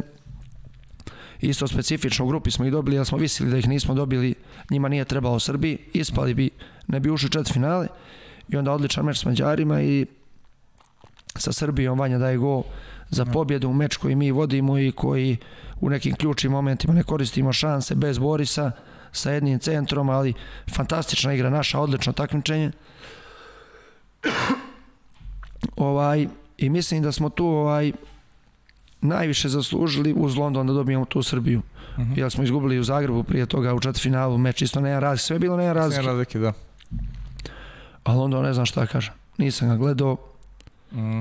Znam ovaj, da smo imali tri razlike, da su dali brzo dva gola, da sam nema razlike pogodio unutrašnju stativu koja je izašla iza Sora, kad su oni zbunili, ostavili me samo kad smo bili isto.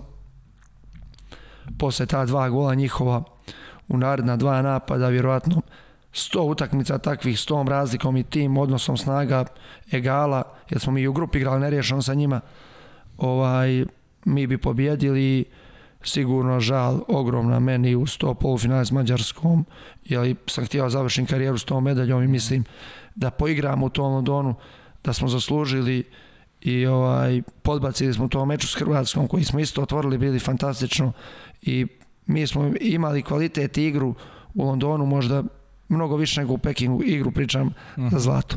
E, prepostavljam da je, da je ključno u tim mečima za, za bronzu taj oporavak od izgubljenog polufinala, kako se koja ekipa oporavi.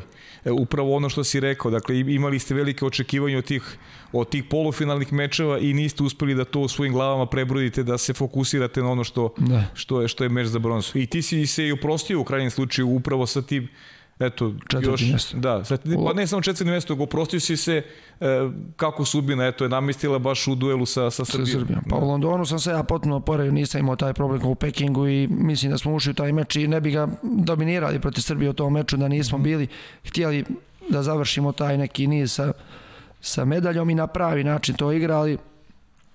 Zašto? Sigurno ima raznih razloga koji su da, da.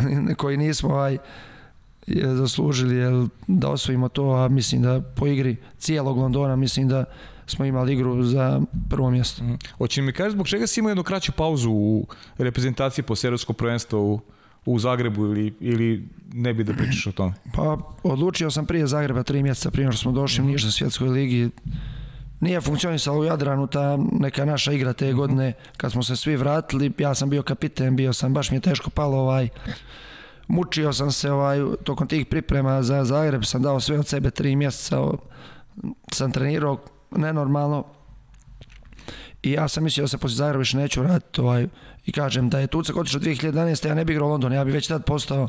-huh. trener Jadrana, tako da je ta odluka bila, ono, neko kaže pa vratio bi se sigurno, bila odluka da sam ja završio sa represivnom karijerom, nisam se slagao s tim nekim stvarima i to je to neko možda pitanje tog grada, toga što sam pričao i drila i toga što je prođeno da mi nismo do kraja uložili možda zbili sebe uh mhm. -huh. u sve to. Da li se slažeš sa, sa, sa mišljenjima, naravno smo se pripremali Marina i ja za, za, za emisiju da, da je Evropsko prvenstvo u Eindhovenu možda i tvoje najbolje takmičenje kada govorimo o kvalitetu igre, realizacije onome što si, što si uradio, uradio za ekipu. Pa igrao Ili bi zvoju neku drugu. Pa, šta, pa reprezentativno šta znam, zavisi. Malagu sam igrao lošije prvi dio završnicu na jednom izuzetno dobrom nivou, ali vjerojatno Eindhoven ostane ljudima u pamćenju i iz razloga broja postignutih mm -hmm, golova. Pa da. Ja nisam ovaj, moja igra nije bila bazirana na tome, više je bila taj defanzivna i, i da kažem neka razigravanja, tako da ovaj, s te strane ovaj, i može, može, može, se, može se uzeti u obzir, ali London, na primjer, nisam imao taj golgetelski učinak, imao sam baš problema sa završnicom, pa onda možda nije upotpunilo tu sliku. E, protiv koga ti je bilo najteže da igraš u, u, u tim mečima sa, sa Srbijom?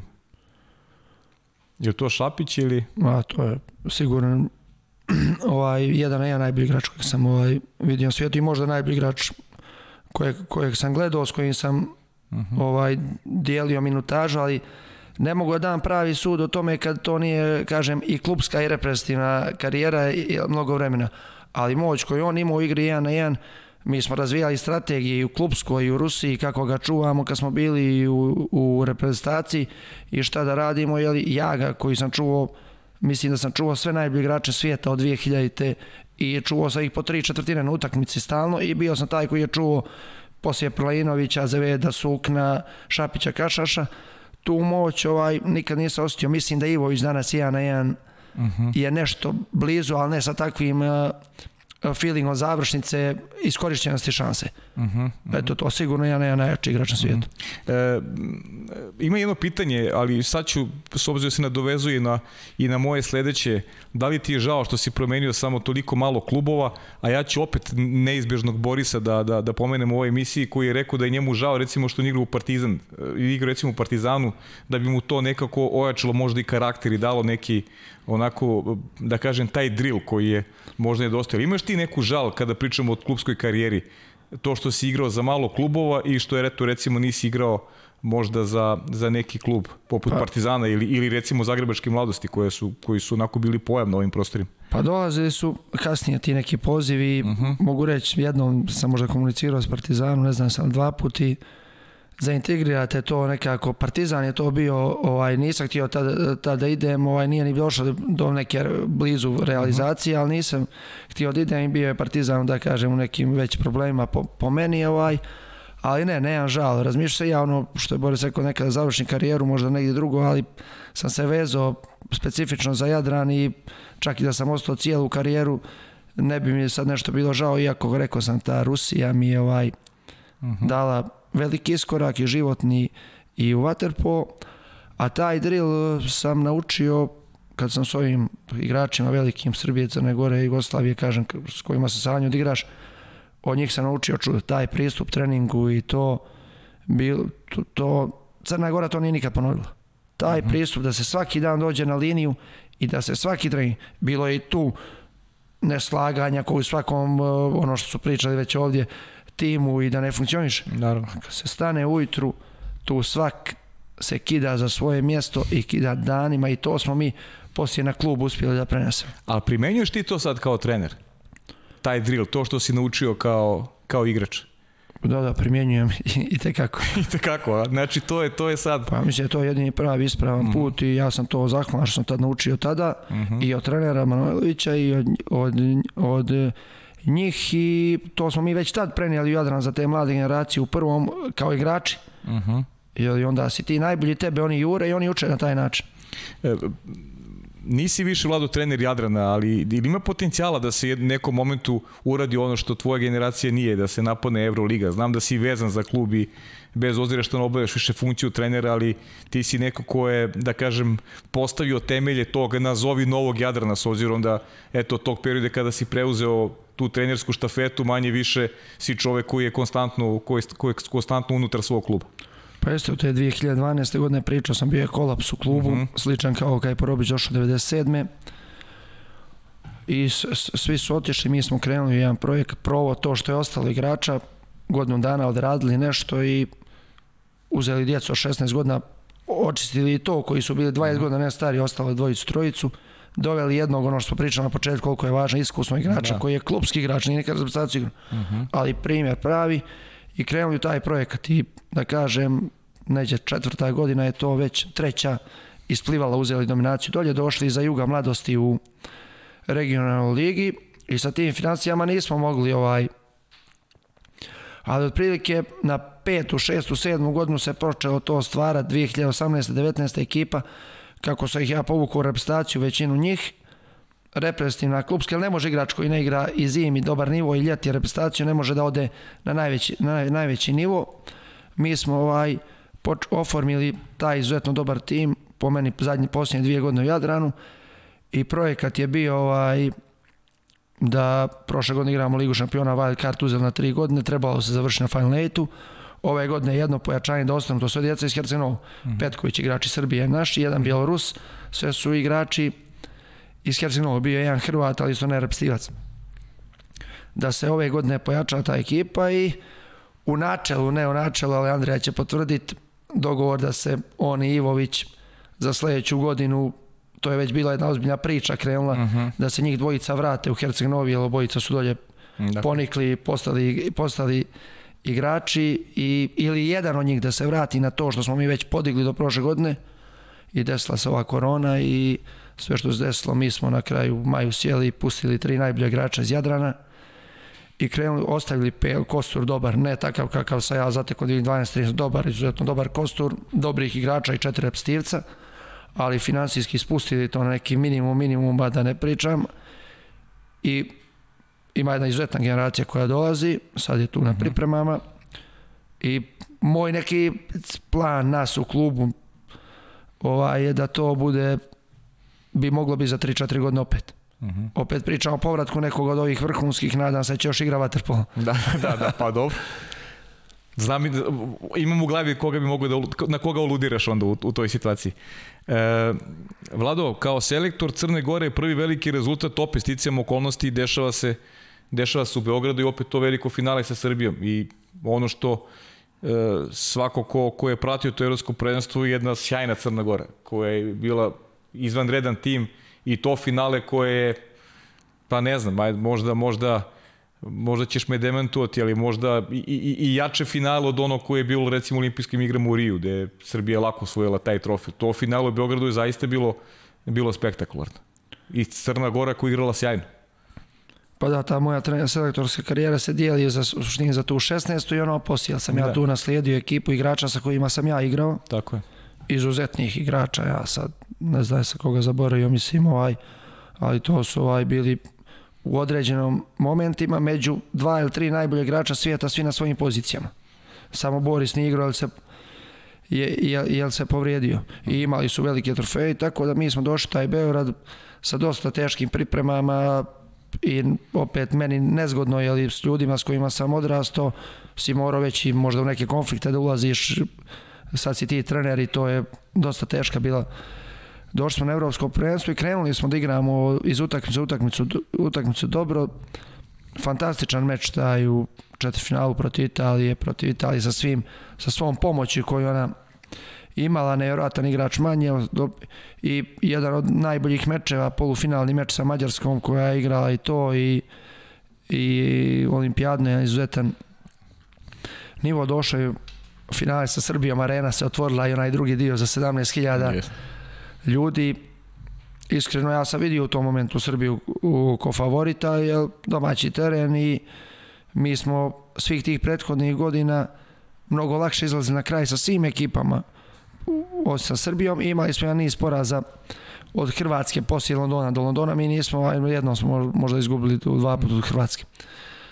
I taj meč šta da kažem ovaj, imali smo ga u rukama bile su neke odluke možemo se žaliti ili ne žaliti kad Ivović dobio tu drugu ličnu na kraju treće četvrtine taj gol za nerješeno i taj poništen gol koji je opravdano poništen samo što je sudija trebao da zaustavi jer je igrač se radovao, klupa je radovala, oni su iz kontranapada prvi put poveli, uh -huh. a jedan sudija je svirao go, drugi ga je poništio i otišao je kontranapad i dali su go, samo da je sudija uzeo loptu i zaustavio da se postave ljudi na svoje mjesto, ništa više, ovaj, a to su neke greške koje se, ne mogu reći da to su neke dvije odluke da je to riješio, ali je greška definitivno bila uh. -huh. u tom momentu, jer gol koji je poništen, koji je prvo bio priznat. Uh mhm. -huh. Ali velika utakmica, mogu se budeš verujem da su svi bili zadovoljni i, i, i igrom pre svega i onim što, što ti donosiš crnogorskom vaterpolu kada pričamo o, nekoj, o to nekom stručnom radu. Pa ja sam morao da budem zadovoljan, jer nisam znao šta da očekujem. Crna Gora nije godinu prije toga bila dobra, dvije godine prije toga izgubili ste jedan težak poraz u Budimpešti i bila četvrta i prvo tražili smo, mi smo s tom utakmicom ovaj, obezbijedili olimpijsku vizu -huh. sa mhm. pobjedom protiv Mađara, što sada evo nemamo, nismo ušli u finale ovog evropskog. Da. I to je ja kao igrač, na primjer, nikad ne bi bio toliko zadovoljan koliko sam bio kao trener poslije Evropskog. Sam siguran na olimpijadi, znamo koliko su stresne kvalifikacije, ali se pojavio žal poslije utakmice jer smo imali Srbiju, što možda nismo očekivali da, da. da ćemo mi da dominiramo tim mečem u Beogradu. Sigurno niko nije mogao da očekujemo tri po četvrtine da će Crna Gora e, kontrolisati utakmicu. Tako da se pojavio žal poslije, ali sve ukupno sam morao budem zadovoljan. Kažem, ko igrač bi vjerojatno bio mnogo više nezadovoljan kao što su ti igrači Crne Gore tad bili izuzetno nezadovoljni poslije finala, što ja razumijem. Da, ali možeš ovom godinu da budeš zadovoljan januar mesec rekao si mi da, da ima žal za tim izgubljenim polufinalom, ali opet s druge strane, Crna Gora radila nešto u prošlosti nije. Odigrala, skupila se, odigrala meč za bronzu i osvojila tu bronzu. Medalja je medalja. Važna je. Kako ne, važna je medalja, iako nismo otišli i puno je vratila nama vjere i samopouzdanje, ali mi objektivno posle te 2016 smo napravili veliku smjenu. U ovoj ekipi su 10 novih igrača koji nisu osvojili jednu medalju. U ovoj u Budimpešti bili. Znači samo Ivović, Lazović koji je u Beogradu bio drugi golman i Draško Brguljan imaju medalju iz ove ekipe.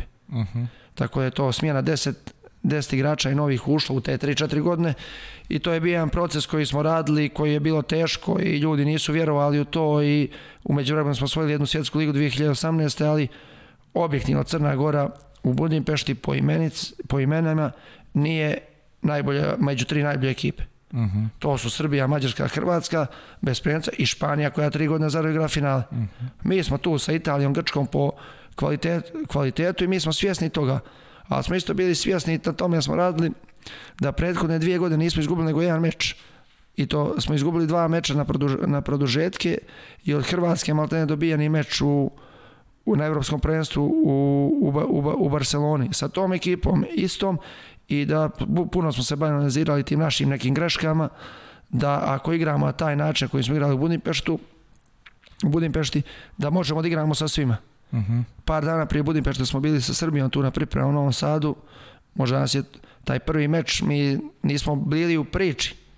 Na kraj Srbija nije ušla u polufinale mi smo uzeli medalju, ali nevjerovatno koliko su oni bili spremili za to evropsko, pa posle, već drugi dan smo mi još pariramo i dizali smo se kroz pripreme i kroz samo evropsko prvenstvo, a taj meč protiv Hrvatske ja sam najmanje tu vjerovao, jer mi smo vratili meč protiv njih 10-5 u, gru- u grupi na 10-10 i trebalo da ga okrenemo. Ja sam samo rekao igračima, nemojte da uđemo u minus ponovo, jer toliko istrošeni emotivno poslije Mađara koje smo mogli dobiti u polufinale, ovaj, taj meč možda najlošije odigrali, da jurimo Hrvatsku ovakvu sa takva dva centra i možda najdominantnijom ekipom na prvenstvu, četiri razlike, da mi je neko rekao prije utakmice to ćete preokrenuti, ja bih rekao kladim se da nećemo. Ali eto, jedna nevjerojatna energija i dobra atmosfera, smo sklopili jednu ekipu sa izuzetnom atmosferom i na kraju je taj individualni kvalitet Ivovića došao u toj utakmici, ali on je kolektivno nosio, kolektiv je nosio tu igru i pobjedio je jedan kolektiv tokom cijelog evropskog prvenstva i comeback kakav nisam vjerovao i nevjerojatan uspjeh za nas. Neg, negde se Vlado vratilo za, Pa vjerovatno. za taj London. Pa mislim da se vratilo njima jer stvarno su pošteni bili ove 3-4 godine, pogotovo posljednje 2-3 godine.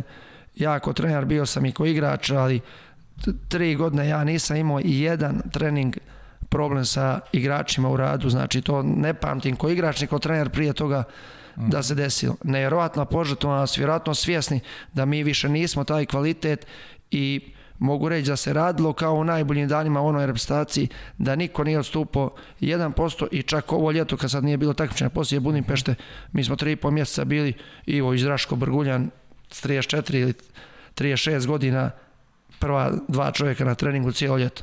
Ja, I sjajno. to se njima vratilo najviše. E, kaži mi sad kakvi su ciljevi za budućnost? E, Ti kao selektor, gde vidiš Crnu Goru e, shodno na talentu i nekim realnim mogućnostima? Proći je taj, proći je taj Tokio, Pa cilj je, cilj je da se izbori viza za Tokio. Mhm.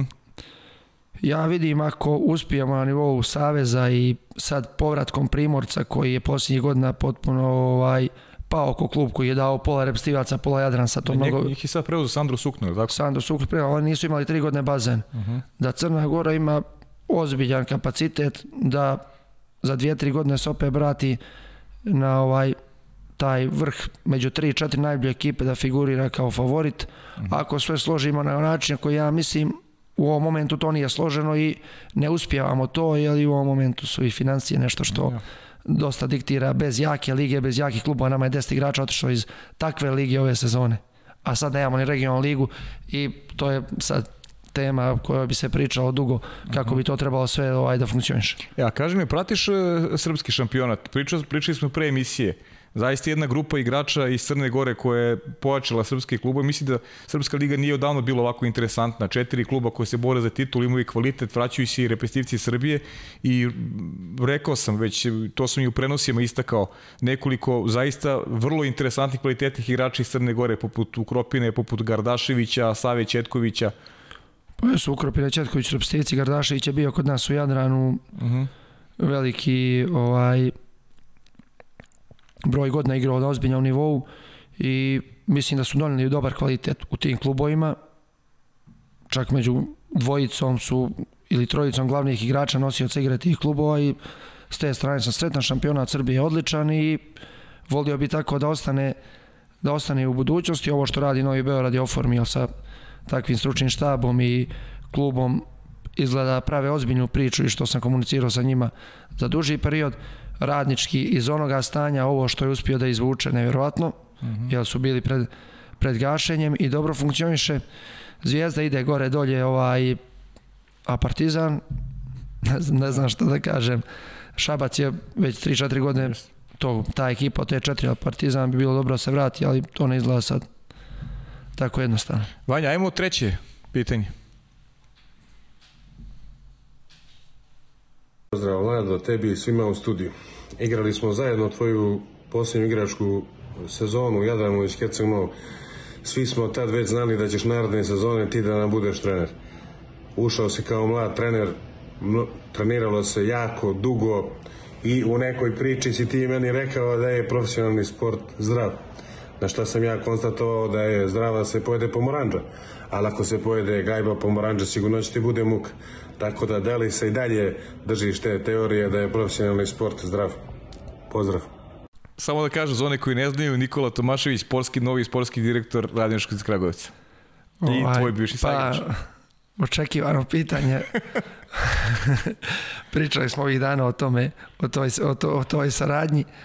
Uh, sjećam se dobro kad je, kad je ovaj to rekao, ali profesionalni sport možemo sa pričati zdravi ili nije izuzetno ostavlja posljedice s te da. stručne strane neke doktorske da kažemo ili za budućnost života ali ovaj mi smo pričali o tome da treba raditi, a on nije, nije volio da radi i onda mi je rekao, kaže, zdrava je jedna naranđa, nije zdravo se eh, gajba pomoranđi da ti stojiš u bazenu 3 sata ili 2 i po sata što se ja tražio godinu prije toga, on stojio sat i 10 i to je optimalno. Da, tako smo taj razgovor vodili. Dobro, hvala i Nikoli na, hvala i Nikoli na pitanju. E, neću još dugo da ti zadržam, proćemo brzo na pitanja gledalaca. E, zanima me koliko je, onako iz svog ugla, koliko je Vatrpol napredo u odnosu na vreme kada si, kada si ti igrao. Rekao bih da tom nekom fizičkom a, smislu svako jeste, traži se više kontakt, traži se više pripreme. Kako ti to gledaš, pogotovo sad iz, iz stručnog ugla, baviš se, baviš se time i kao trener. Kako bi uporedio to vreme tvoje kada si igrao i ovo sada i, o, i ovaj sada period? Pa mnogo više kontakta. Ja inače sam, kažem, igrao to na jedan drugčiji način, bez ovoga što bi rekli klinča i to je mene zahvatilo u jednom momentu, ali nisam ulazio čuvajući te igrače u tu igru i mnogo je veća potrošnja. Mnogo više se teretana radi u današnjem vremenu nego što sam ja radio ni blizu, ni blizu toga i vjerovatno se igrači više troše jer je mnogo mali broj igrača koji mogu da iznesu cijelu utakmicu. Uglavnom i u Srbiji, to i u Crnoj Gori nose igrači iz tog doba. Uh mhm. -huh. E sad, da li su ovi potrošeni od mladih, ne mogu to da definiš, ali mali broj mladih igrača igra po 30 minuta na utakmici, možda i ne treba, ali kad ti imaš Ivovića, Pralinovića, oni tebi igraju 28 do 30 minuta, ne možeš utakmicu bez njih. Da, da. Ovaj, I to je uvijek, uvijek, uvijek bilo tako, tako da je mnogo zahtjevni i ima mnogo veći broj povreda, pretpostavljam zbog tog kliča, zbog te mehanike hvat, hvatova koji su ranije bili drugčije sankcionisali i igrao se malte ne na dodir, ne na, hvat, na hvatanje. Uh mhm. -huh. Tako i ta igra centra se promijenila jedna potpuno drugi, drugi sport. Uh -huh. e, ko je najbolji igrač svih vremena? To je pitanje koji su mnogi postavili. Pa ja nisam Milanovića puno gledao i teško je odlučiti koji je najbolji igrač, jer se gledaju ovaj, u svakoj eri je svak neke svoje trofeje ovaj, imao. Imao u Jasinovića, Šapića, što se ja zapamtio, Kašaša iz tog vremena, ovaj, Milanovića i svih igrača. Meni je ovaj, najveću moć Šapić svakako bio. Uh mhm. -huh. A da li bi rekao da je najbolji igrač možda svih vremena ili najuspješniji za mene?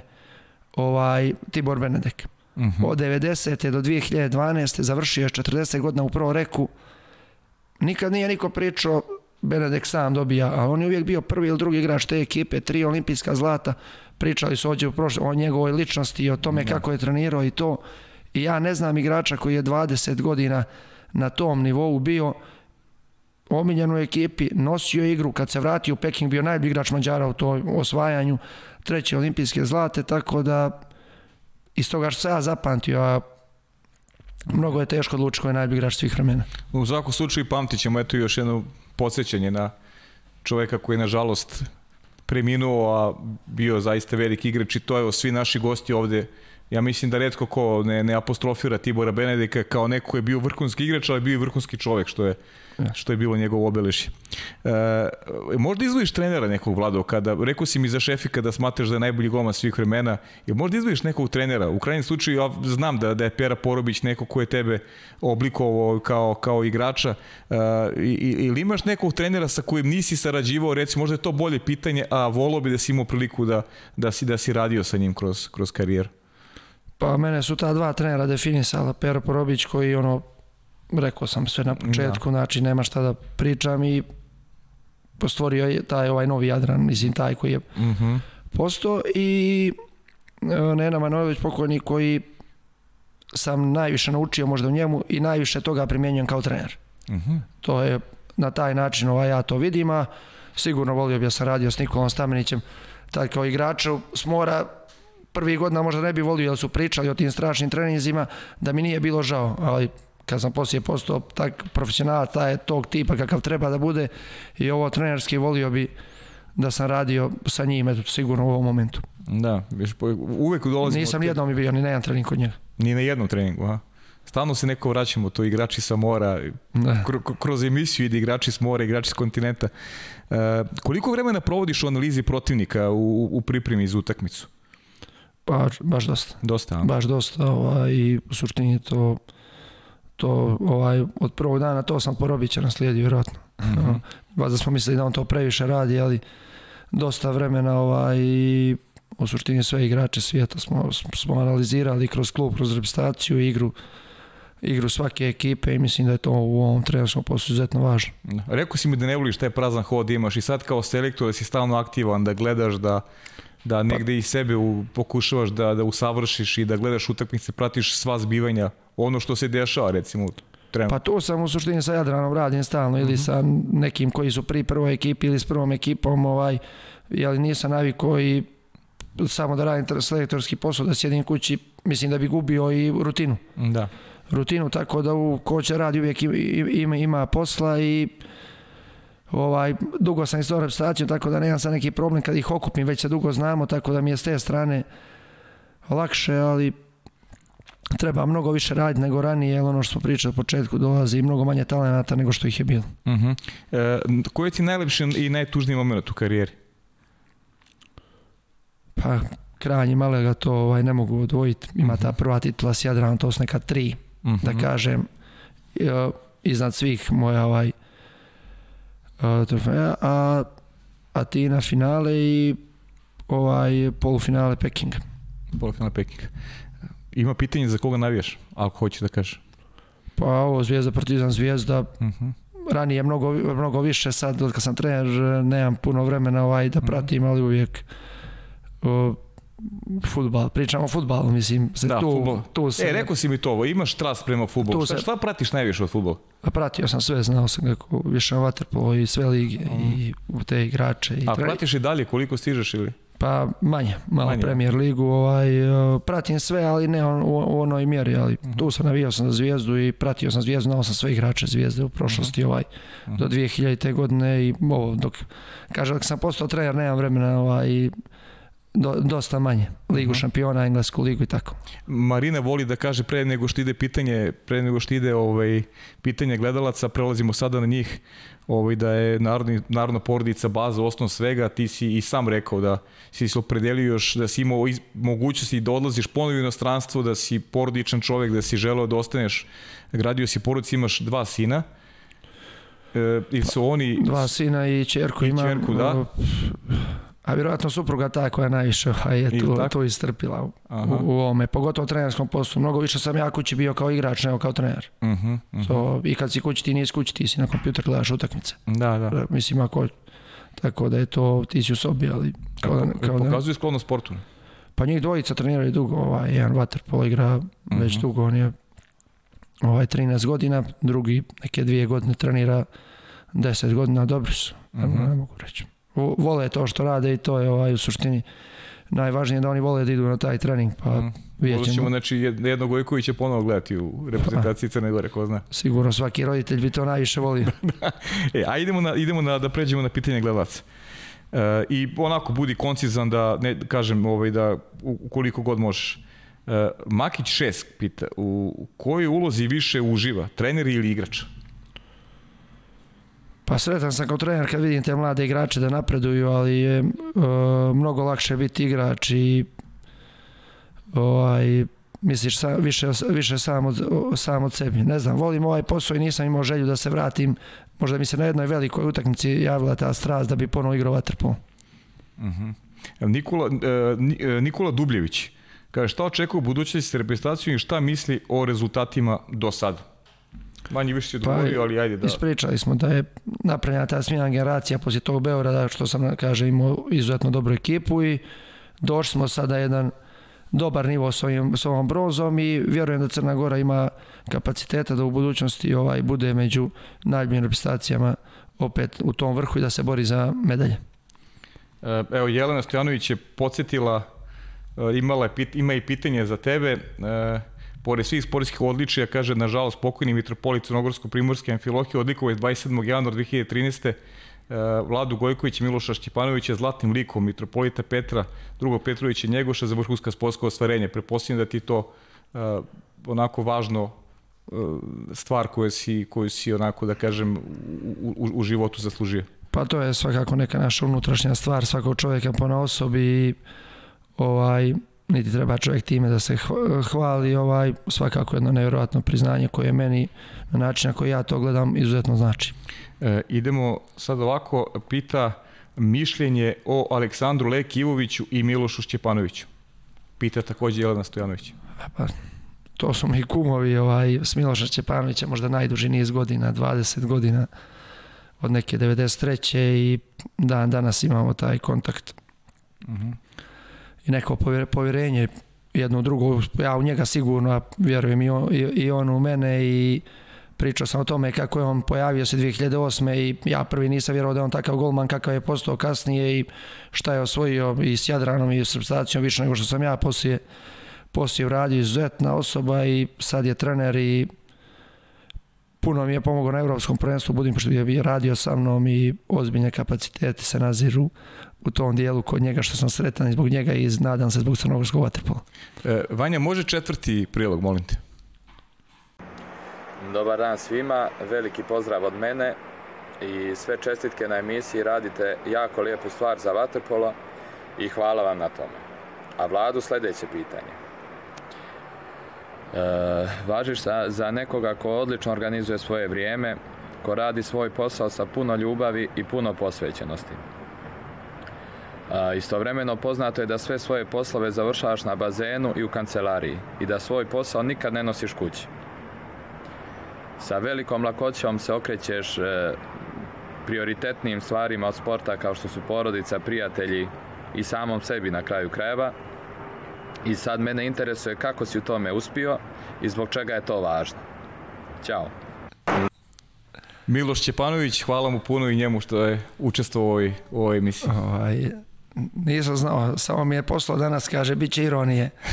ovaj, nosim taj posao kući, nosim ga ovaj, kao što sam, kao što sam prije rekao i to me zazezao kako ja njemu i kad je on bio igrač, pošto nije baš važio ko sad, za- sad je napredovao u tom dijelu, sam organizovao neke stvari i tu, tu sam bio dobar ovaj, ali sad je to više toliko nemoguće i toliko posla ima u tom dijelu da ovaj nosim posao kući, zato mislim da je ta ironija i ovaj da se posvetim sebi i prijateljima jedno vrijeme ovaj nisam se gledao sa, njih, sa nikim jedno dvije, tri godine. Znači oni dođu iz inostranstva, vidimo se jednom.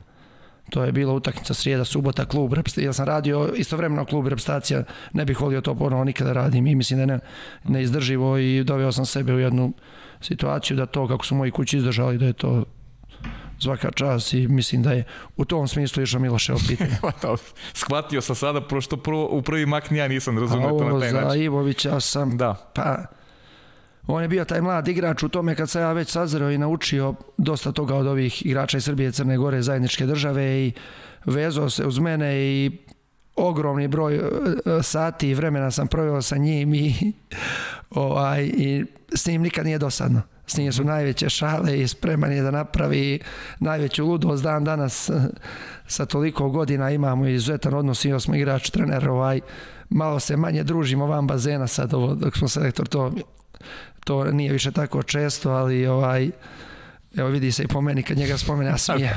e, velika nam je želja, ovaj, imamo i, i da ti kažem iskreno i ovaj, poruke da, da, da bude gost i, i Leka Jović, nadam se da će se to dogoditi prvom prilikom, tako da eto, otvoren poziv s ovog mesta, stupit ćemo u kontakt sigurno sa njim. Jelena, da završimo sa Jelenom Stojanović, Jelenom Stojanović koja se baš potrudila, ne mogu sva pitanja, ajde, izgubili, izgubili mnogo vremena, najteži protivnik uh, iz igračkog perioda kako u klubskoj, tako u represivnoj e, karijeri i kaže veliki, veliki pozdrav za gospodina Vlada.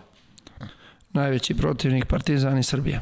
Partizan i Srbija najveći I protivnik. nisam, ovaj, to mi je najteže bilo i taj njihov način igre i to što je Gajla ovaj pressing taj koji niko nije imao u tom momentu kao Partizan, to mi je izuzetno onemogućavalo moju igru kao igraču.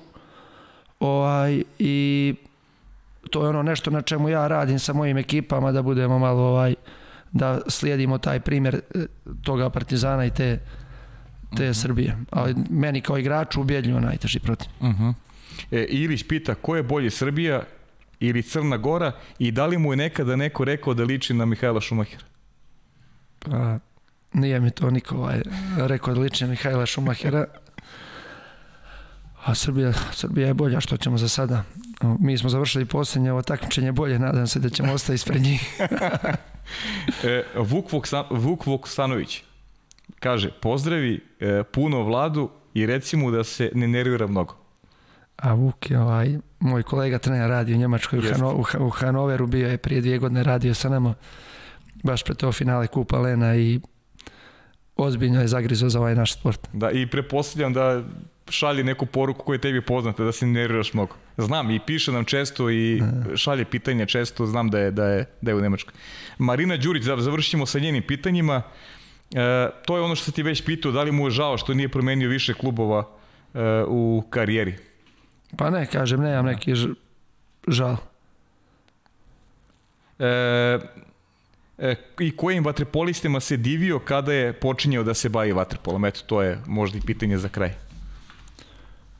A tada se pričalo o Milanoviću i Gočaninu kad se ja počeo. Uh Mhm. -huh. A poslije je već došla ova generacija s kojom, s kojom sam igrao, sve sa ih već nabrojao iz, iz Srbije, Crne Gore, sa ovima iz Crne Gore sam igrao, tako da, ali ovima kojima sam ušao, da igram u reprezentaciju Srbije, Crne Gore, za mene je to bilo ono najviše i od njih sam toliko naučio i već da se ne ponavljam u svakom smislu. Uh -huh. Vlado, šta ti kažem? Hvala ti mnogo što si, što si bio naš gost. E, želim ti prvo da znači, sreće zdravlja porodi, u porodici i da se Crna Gora plasira na olimpijske igre u Tokiju, pa tamo neka, neka bude šta bude i da se ponovo sretnemo na ovom mestu da analiziramo olimpijske igre u Tokiju i da, i da provrtimo neke teme koje nismo stigli do sada. Evo, iskreno mogu bi ovaj razgovor da traji 5 sati što se mene tiče, ali znam da moraš i da se vraćaš nazad do Kragujevac sad. Pa eto, hvala, jer niste mogli ljepše želje da mi poželite, a sa zadovoljstvom uvijek razgovor je bio izuzetno prijatan i ja sam sam podsjetio nekih vremena o kojima nisam stvarno razmišljao davno. Hvala ti puno, Vlado, još jednom, sve najbolje i to je to za ovu 21. epizodu.